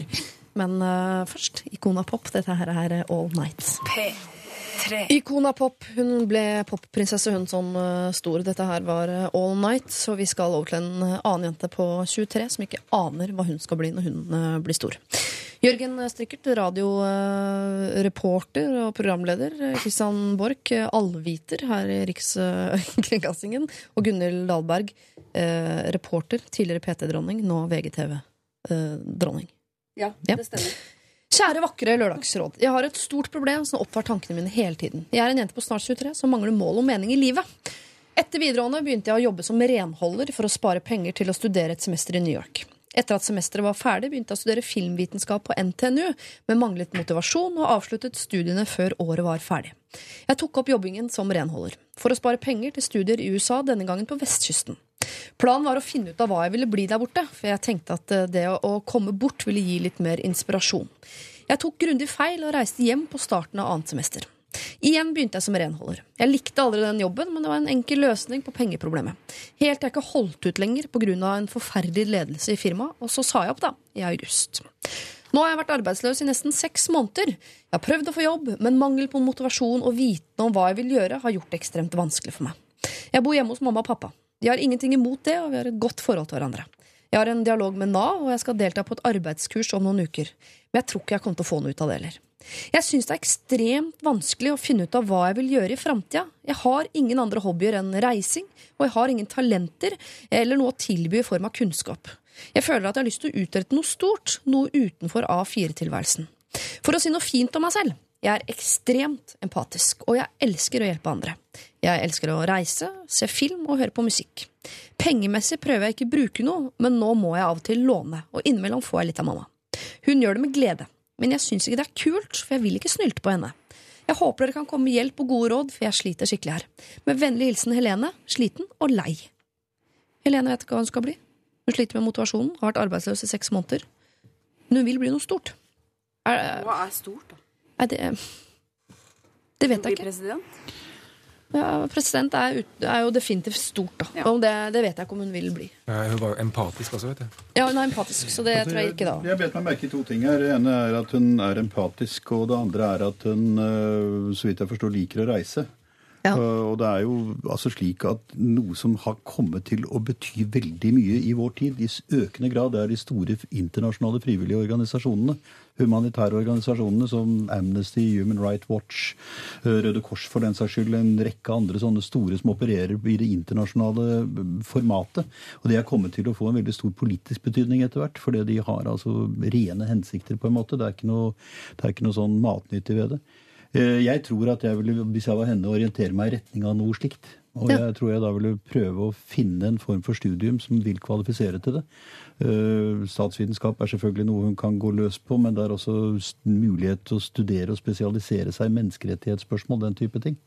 Ja. Der tror jeg hun har en fremtid. Men fins det noe sånt som man For jeg, tenker at for henne nå å bare begynne på et stort studie kanskje kan eh, virke som en litt vel stor kneik å komme over. Fins det noe sånt som man kan gjøre som er rent praktisk, hvor man ikke trenger den utdannelsen? Er det noe sted man kan reise og hjelpe til? Eller må man da eh, betale for det selv? Nei, det, det vet jeg ikke, men jeg tror ikke det. Jeg tror hun, øh, tror hun øh, kan melde sin interesse ved noen av disse organisasjonene. Redd Barna f.eks., som er en kjempesvær internasjonal organisasjon. Og høre øh, hva de har bruk for, og hvordan de arbeider, og hvordan de tenker og føler og er. Og jeg vet de har jo bøtter og spann av mennesker som er ute i felt, blant annet. Ja. Som ikke nødvendigvis behøver å ha en høyere akademisk utdannelse, men som øh, på forskjellige måter gjør seg kvalifisert for dette. Og da har hun jo mulighet til å bli noe stort for Ja, noen. jeg hun er jo Ja. på vei til å bli nye mor Teresa. Ja. Altså, Verden trenger sånne mennesker som eh, Helene. Norge trenger ikke sånne folk, eh, for vi er så rike her. Mm. Og vi får bare masse svensker til å komme hit og øh, Lage drinkene våre og, lage drinker og og tørke opp når vi søler. opp og så. Ja, jo, Norge trenger også sånne mennesker, fordi de, de, altså, de er forvaltere av en samvittighet som jeg tror at det materialistiske Norge har bruk for. Så du kan også regne med at du kan virke innad i det norske samfunn. Ja, for hun, kunne jo, hun jobber jo eh, som renholder, eller gjør hun ikke nå, da, men det er det hun har jobbet med virker det sånn, nå for å finansiere studier og sånn eh, så langt i livet. Eh, Hun hørtes ikke ut som en sånn person som burde sette seg ned og ta u-landsstudie og statsvitenskap. Nei, for det er jeg også skeptisk til. Det høres mer ut som hun vil jobbe i felt. Ja. Jeg noterte også u-landsarbeid. U-landsarbeid har du også notert. Barnehjem Ja. har jeg notert. Har du notert noe, Jørgen? Jeg har notert alt som, eh, som Christian sa. Ja. Jeg sa masse smart, jeg òg, da. Jo, jo, men du er ikke Christian Borch, Gunhild. Det, det kommer vi ikke bort ifra. Jeg sitter ikke og snakker i munnen på Urix om kvelden heller. sant? Det var jo fasit. øh, Oi. Ja, at han skal jobbe med u-lands. Ja, for jeg tenker, jeg, bare for å ta, ta, jeg vil lese to setninger om igjen fra denne mailen. For å si noe fint om meg selv. Jeg er ekstremt empatisk og elsker å hjelpe andre. Jeg elsker å reise, se film og høre på musikk. Jeg tenker at det med reise, film og musikk Det er sånn du kan spørre alle mellom 12 og 72. Hva liker du, da? Nei, reise, film, musikk er jo ålreit. Det betyr ikke at du trenger å jobbe med det. det. Altså, alle som liker film, musikk og reise, trenger ikke å jobbe med det. For det er sånne ting som man fint kan gjøre etter klokka fire i skinnsofaen. Og det er kanskje også et perspektiv her at noen er jo, man er jo nødt til å av og til tjene penger først, og så reise, film og musikk. Ja, ikke sant? Det er for mange som er sånn Jeg er innmari glad i å lage trolldeig. Men, eh, så det har jeg tenkt å drive med når jeg Ja, blir stor. mye- Men eh, jeg får jo ikke lønn, så da får jeg ringe Nav, da. Eh, Jeg tror heller du skal ta tak i det med at du er empatisk og elsker å hjelpe andre. For der har du muligheten til å utrette noe, men du kan også få nok penger til å leie deg en film, da, eller høre på litt musikk og kanskje reise litt inn i og ned. Men er det rett og slett det vi skal be nå? Ta kontakt med alle disse Jeg vil Ja. gjøre det. Altså, jeg må si at Det er veldig interessant, for at, sant, i utenrikspolitikken, som jo er en sånn veldig innviklet og øh, highbrow form for idrett, så er det slik at de som i økende grad har kommet til å forvalte samvittigheten og dermed få politisk innflytelse, er disse frivillige organisasjonene. Som drives av idealister i utgangspunktet, men som også drives veldig praktisk og veldig nyttig. Slik at eh, altså, i alle retninger så tror jeg at dette her er en, en verden som hun vil kunne ha stor glede av å bevege seg inn, inn mot. Da. For tanken om å bygge en brønn er god, men noen må faktisk bygge den brønnen. Nemlig. Kanskje det er Helene sliten og lei. Ja. Men jeg, hvis det er sånn at man må betale selv, Ja. eh, at hun ikke har råd og orker ikke å jobbe mer på, og ikke får noe ut av arbeidssøkerkurset, eh, så kan hun jo også ringe Startur. Eh, og for de trenger også reiseledere. Og der er det jo masse folk du må ta vare på der også. Det er jo veldig mange eldre mennesker som reiser til Spania i vinterhalvåret. Trenger hjelp til å finne minibanken. Trenger Guides til hvor får jeg kjøpt Vasa knekkebrød og VG For. Og så sommerhalvåret så har du jo fulle folk som skal feire strekke ut russetida si, som også trenger hjelp til å holde på når du spyr, f.eks. Absolutt. Det er også Altså, en det er masse ting Helene kan gjøre. Uhjelp kan være et, et stort felt. Det kan være så mange forskjellige. Hva da? Uhjelp er et bredt Ja. begrep. Ja. Men også, hun sier at hun ikke liker å be mor om penger, fordi hun føler ikke at hun skal snylte på henne osv. Og, og det er en veldig fin eh, tanke, og det eh, backer jo opp det du sier at du er empatisk og eh, hele den der. Vi skjønner hvem hun er nå, ikke sant? Står ganske godt lys. Men jeg tror eh, mamma her kommer til å bistå litt. Grann, sier, mamma, jeg, nå har jeg fått muligheten til å reise og bygge en brønn, men det koster altså så så mye. Så tror jeg eh, mamma kanskje Da må du tenke at da hjelper hun ikke bare deg. Hun hjelper også de som får den brønnen. Og kanskje det er det som skal til for at du skal komme hjem igjen og orke å sette deg på skolebenken og få en utdannelse innen det. Hvis det er det du liker, da. Samtidig kan det være skeptisk også, i og med at du har vært to runder i USA og kommet tomhendt tilbake og fortsatt ikke vet hva det vil bli. Men det høres ut som du, du sier det jo selv. Ja, mamma og jeg vi har det fint. Jeg har god dialog med mamma og pappa og alt det der. Jeg tror ikke de spytter i liksom noen tusenlapper for å få kippa hun ned til et eller annet sted hvor hun Jo, i hvert fall hvis hun kommer med et konkret prosjekt og sier at eh, nå har jeg muligheten for å begynne med det og Ja. det og det. Ja. Og det vil jeg gjerne. Helene er sliten av deg. Jeg syns du bare skal gjøre det. Jeg får si en bitte liten ting, bare. Ja, Jeg synes det, så det er blitt sagt veldig mye klokt her og, om utlandet og sånn, men, men jeg syns jo også det må, man må kanskje si med en liten, bitte liten stemme at det er lov å være 23 år og ikke være sikker på hva som er meninga med livet. Det er det. Absolutt. Det er veldig helt få deg. Smart, det skal jeg skrive ned. Jeg har hørt om folk som er opp mot 33-34 og fortsatt ikke vet det. hva de skal bli, nei. nei. Og se, Den dagen du ser noen som driver med noe du har lyst til å drive med, spør hvor gamle de er. For ofte så er de ikke 24. Nei, de er 44. Så du har ganske god tid på å komme deg dit. Og veien dit kan også faktisk være veldig morsom. Så Helene, dette her er jeg helt sikker på at du finner ut av. Men ikke tenk at du må sette deg på skolebenken.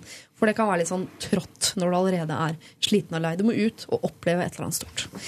Eh, vi eh, tar imot flere problemer. Så rekker vi dem ikke i dag, så rekker vi dem jo neste lørdag, om ikke annet. Så, så send dem inn. Det er vår mailadresse lralfakrøll.nrk.no.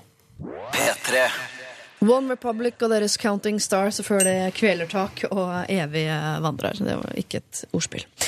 Um, vi skal inn i Tinder-problematikk, og jeg tenkte vi bare skulle ta liksom kjapt og uh, si noe om hva Tinder er. Og her er lov å kaste seg på, fordi min definisjon av Tinder er full av fordommer, som uh, alt annet nesten rundt meg.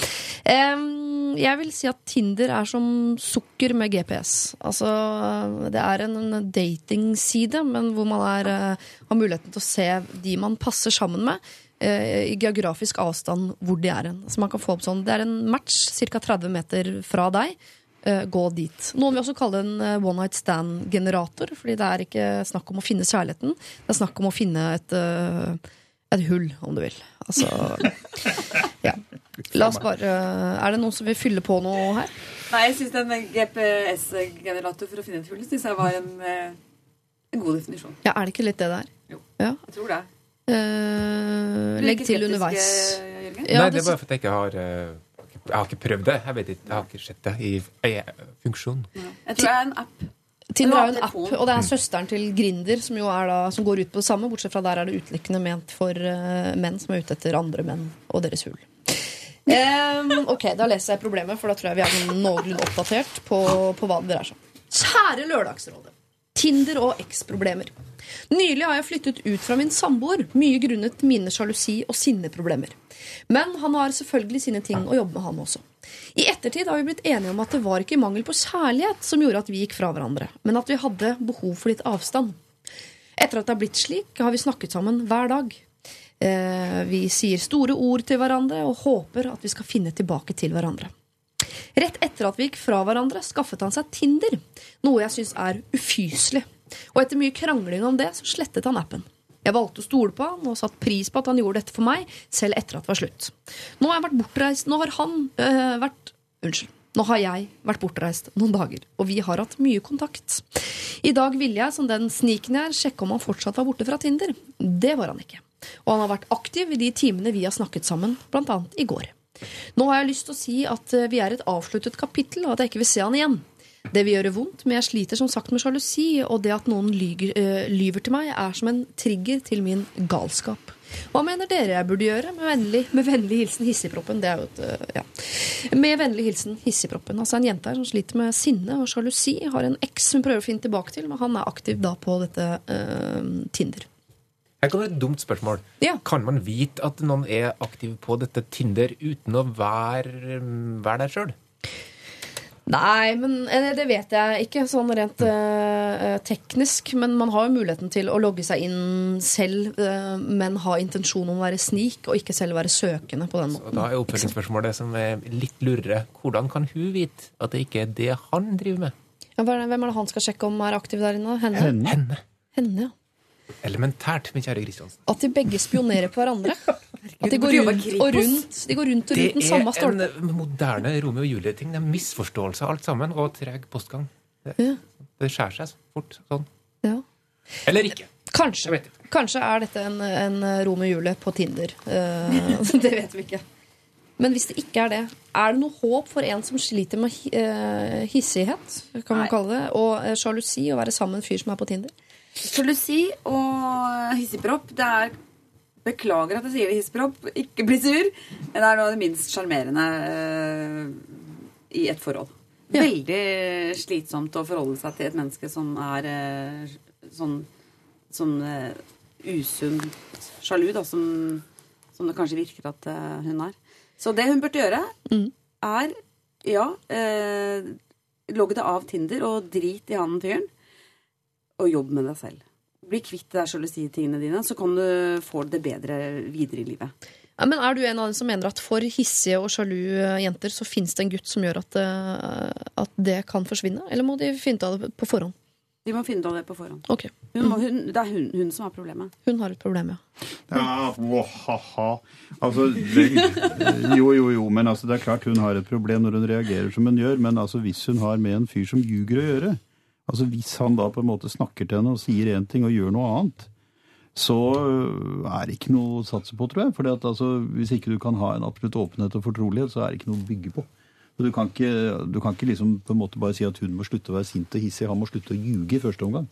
For det, er, altså, det å være sint og hissig er ikke noen dårlig karakteregenskap, men det å ljuge det er en jævlig dårlig karakteregenskap. Veldig dårlig karakteregenskap. Men han begynte ikke å ljuge før etter at eh, det var slutt. Han har ikke noe å si når han begynte å ljuge. Ljuger du, så ljuger du. Ja, men noe- hvis hun står der med øks og sier 'har du vært på Tinder', sier nei, selvfølgelig har jeg ikke vært på Tinder, svarer jo han da. Men de snakker stort sett i telefonen, og du bruker ikke øks per telefon, gjør du det i noe særlig grad? Nei. Nei Verbaløks. Verbaløks. Eh, Men hun sier at de flyttet jo fra hverandre i utgangspunktet pga. hennes sjalusi og sinneproblemer. Så det er klart at det, det sier hun jo selv også. Hun adresserer det som, eh, som et problem. At hun er sjalusi, sjalu og sinna. Men det er klart at det henger noe sammen med hvem hun er sammen også. For det sier hun også her, at det er jo det at han ljuger, blant annet, som trigger hennes galskap. Eller altså da hennes sjalusi og hennes sinne. Så det er klart at her har vi med å gjøre en ganske dårlig kombinasjon av en som ljuger, og en som uh, får trigget sin galskap av løgn. Det høres ut som to stykker som ikke burde være sammen. Ja. Ja, det er også min oppfatning. Men ligger de sammen? Hisseproppen og ljugepaven? Ja, ifølge henne her så går det mest i prat. Ja. Ja. For at eh, hvis de ligger sammen i tillegg, da er det dumt. Da er det enda dummere. Så det er veldig bra at ikke de ligger sammen i tillegg. Ja. Hva er det som er dumt? Hvis de... Nei, for da ligger han med, med alle de på Tinder, inkludert henne. Og da, jeg syns at man skal holde seg til én person. I prinsippet. Når det kommer til ligging. Ja. Liggemessig sett, da. Ja, ok. ja, ja, ja, ja, ja. Så det er ferdig med å ligge altså, sammen. Hvis de bare, bare krangler nå, og det går ut på at hun er sint, og han ljuger, hva er det hun ser for seg at, skal, at dette her skal ende opp i? Unnskyld meg, men nå blir jeg djevelens advokat, eller hva det heter. Ja. Det her eh, fører jo ingen Han er, er ute i livet og forsyner seg og ljuger til henne for at han er redd for henne for hun er så sint. Så det, de må skille lag.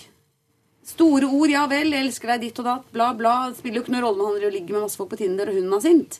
Hun må rydde opp i seg sjøl. Han må bare ligge fra seg, så kan de møtes på andre enden. da.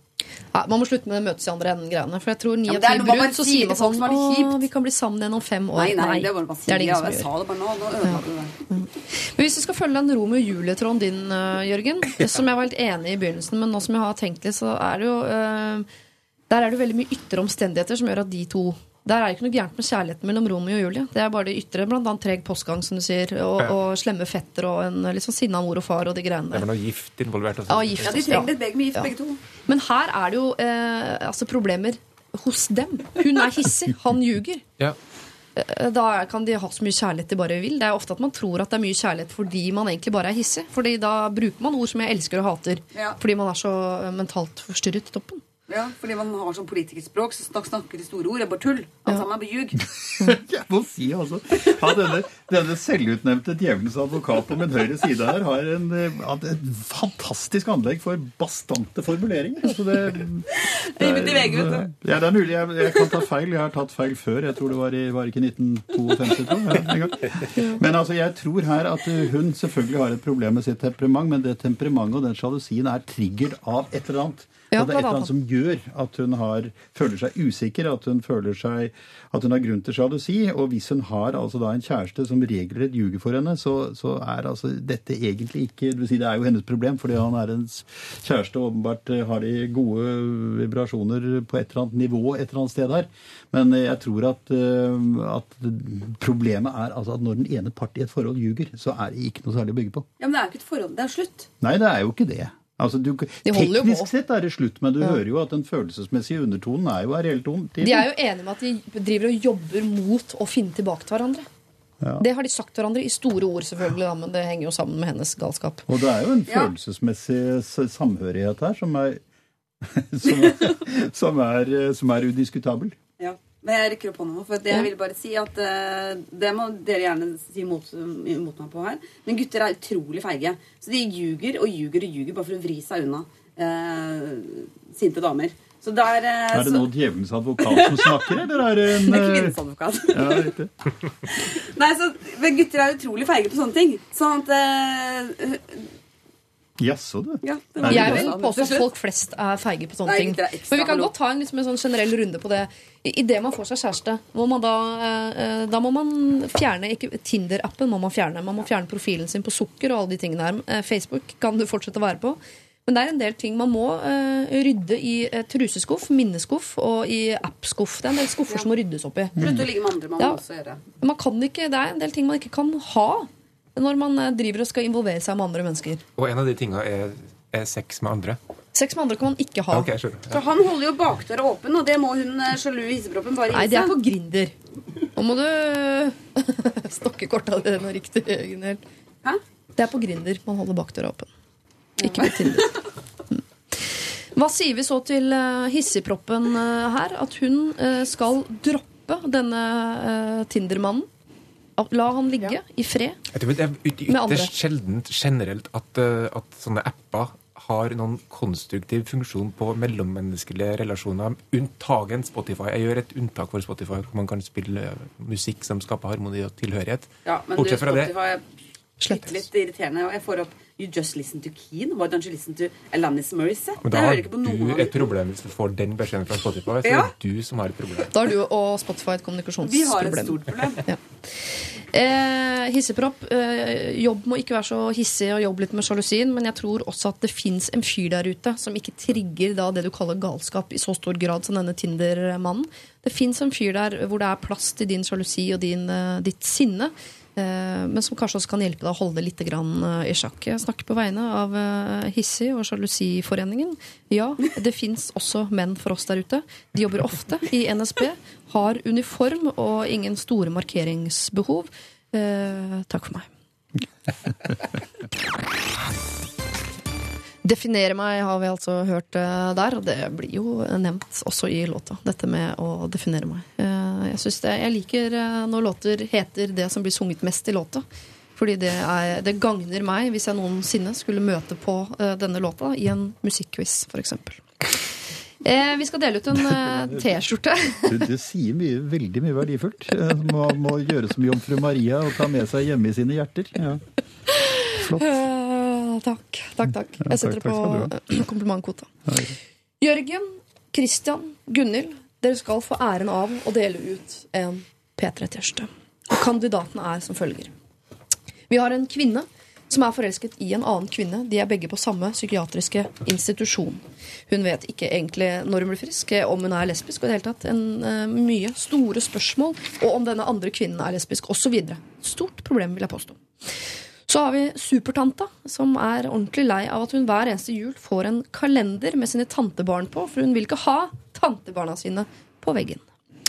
Vi har altså en lillesøster som bor i sin storesøsters leilighet. Der har hun klart å eh, lage fuktskader på kjøkkenbenk og en ripe i parketten. Og lurer på hvordan hun skal komme seg ut av det, fordi hun økonomisk sliter med å, å reparere. Så har vi et kjærestepar hvorav de, den ene spiser supermat, men de har felles økonomi. Supermat er dyrt, smaker dritt, og man blir ikke mett av det, sier eh, mannen i forholdet. Så har vi en eh, jente som eh, lurer på hva hun skal gjøre med livet sitt. Hun har vært arbeidsledig nå de siste seks månedene, bor hjemme hos mamma og pappa, er 23 år, vil bli noe stort, men føler ikke at hun har noe å bidra med, verken i form av talenter eller kunnskap. Vi har også et bryllup i Danmark, eh, og en gjest som syns det er dyrt å være deltaker der. 5000 kroner. Det står i invitasjonen at man ikke trenger å ha med gave, men betyr det egentlig noe? Skal man ha med gave? Og så videre. Sist, men ikke minst, da har vi Tinder-problematikk. Eh, En hissig og sjalu jente som prøver å bli sammen med eksen sin igjen. Det er han helt med på at de skal prøve å bli, men samtidig prøver han på helt andre ting på Tinder. Hvem fortjener T-skjorte? Hvor, eh, hvor mye går en sånn P3-skjorte for på ga gateverdien? Svartbørs uh, Ja, sånn omtrentlig. Vet ikke. Så, Er det en omsett? Kan, for da kunne kanskje den lillesøstera som har eh, skapt eh, fukt og sprekk, Mm. fått den, og så omsatt den, og så reparert skadene. Så hadde vi i hvert fall For verdien av en T-skjorte med P3 på, ja. Ja, jeg vet ikke hva den går for noe i våre dager. jeg. jeg tror det er større sjanse for å reparere skaden fysisk med T-skjorta hva angår fukt og sprekk, enn å få verdier til å, å fikse det. Ja, okay, nei, da, Klippe opp skjorta og stappe ned i sprekken. da trekker jeg det. Ja, det forslaget. strålende. Sparkel oppå, har du en løsning. Ja. Er det andre kan, um, nye kandidater? Jeg er frista til å gi til uh, nye, den kommende mor Teresa. Ja, det- Tenk det hvilken er- ja. altså nå, nå er det kommersielle Gunnhild som snakker her, men hvilken liksom effekt det vil være for P3. At hun går med en P3-T-skjorte og redder verden.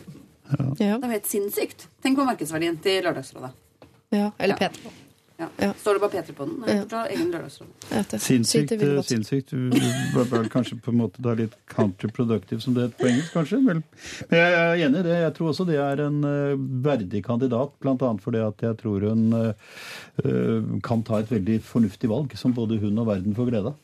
Og da er det fint å ha på seg en P3-skjorte når man gjør det. Hvordan ser de ut, disse skjortene, forresten?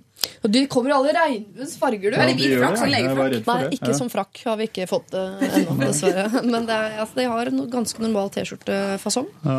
Figursydd til kvinner. Med sånn pappeskefigur Ja. til gutter. Nei, jeg, jeg, tror, jeg, tror også jeg vil, jeg tror også jeg vil holde, holde frem denne fremtidige mor Teresa som en verdig vinner av det. Er det noen kandidater du mener utkonkurrerer mor Therese her? Sikkert? Nei, Jeg på hiver meg glatt på den. Synes Hva med hun Klikovic på Tinder? Vi var dager.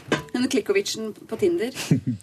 Blir det noe bedre eller verre for hun med TV? Hun trenger å, å sånn å knuge på. Ja, sånn ball. Sånn angstball. Vi sender en biteball. Vi sender en biteball til henne. Gagball. Gagball og naglesko til hun. Det har vi også. Nei, nå sklei det ut. Ja. Syns det? Nå? Ja vel. Jeg har notert meg 0945, men det er greit. ok. Eh, Jørgen Strikkert, eh, Christian Borch, Gunhild Dahlberg, tusen takk for at dere var rådgivere i dag. Vi sender en T-skjorte til en 23 år gammel jente som er usikker på hva hun skal gjøre med livet sitt, men som vi nå har sendt inn i altså, eh, Jeg vet ikke hvor vi har sendt henne, vi har i hvert fall sendt henne ut i verden og med en T-skjorte. Eh, flunkende ny. Eh, ha en fortreffelig lørdag videre. Takk i like måte. I like måte. I like måte. Hør flere podkaster på nrk.no podkast.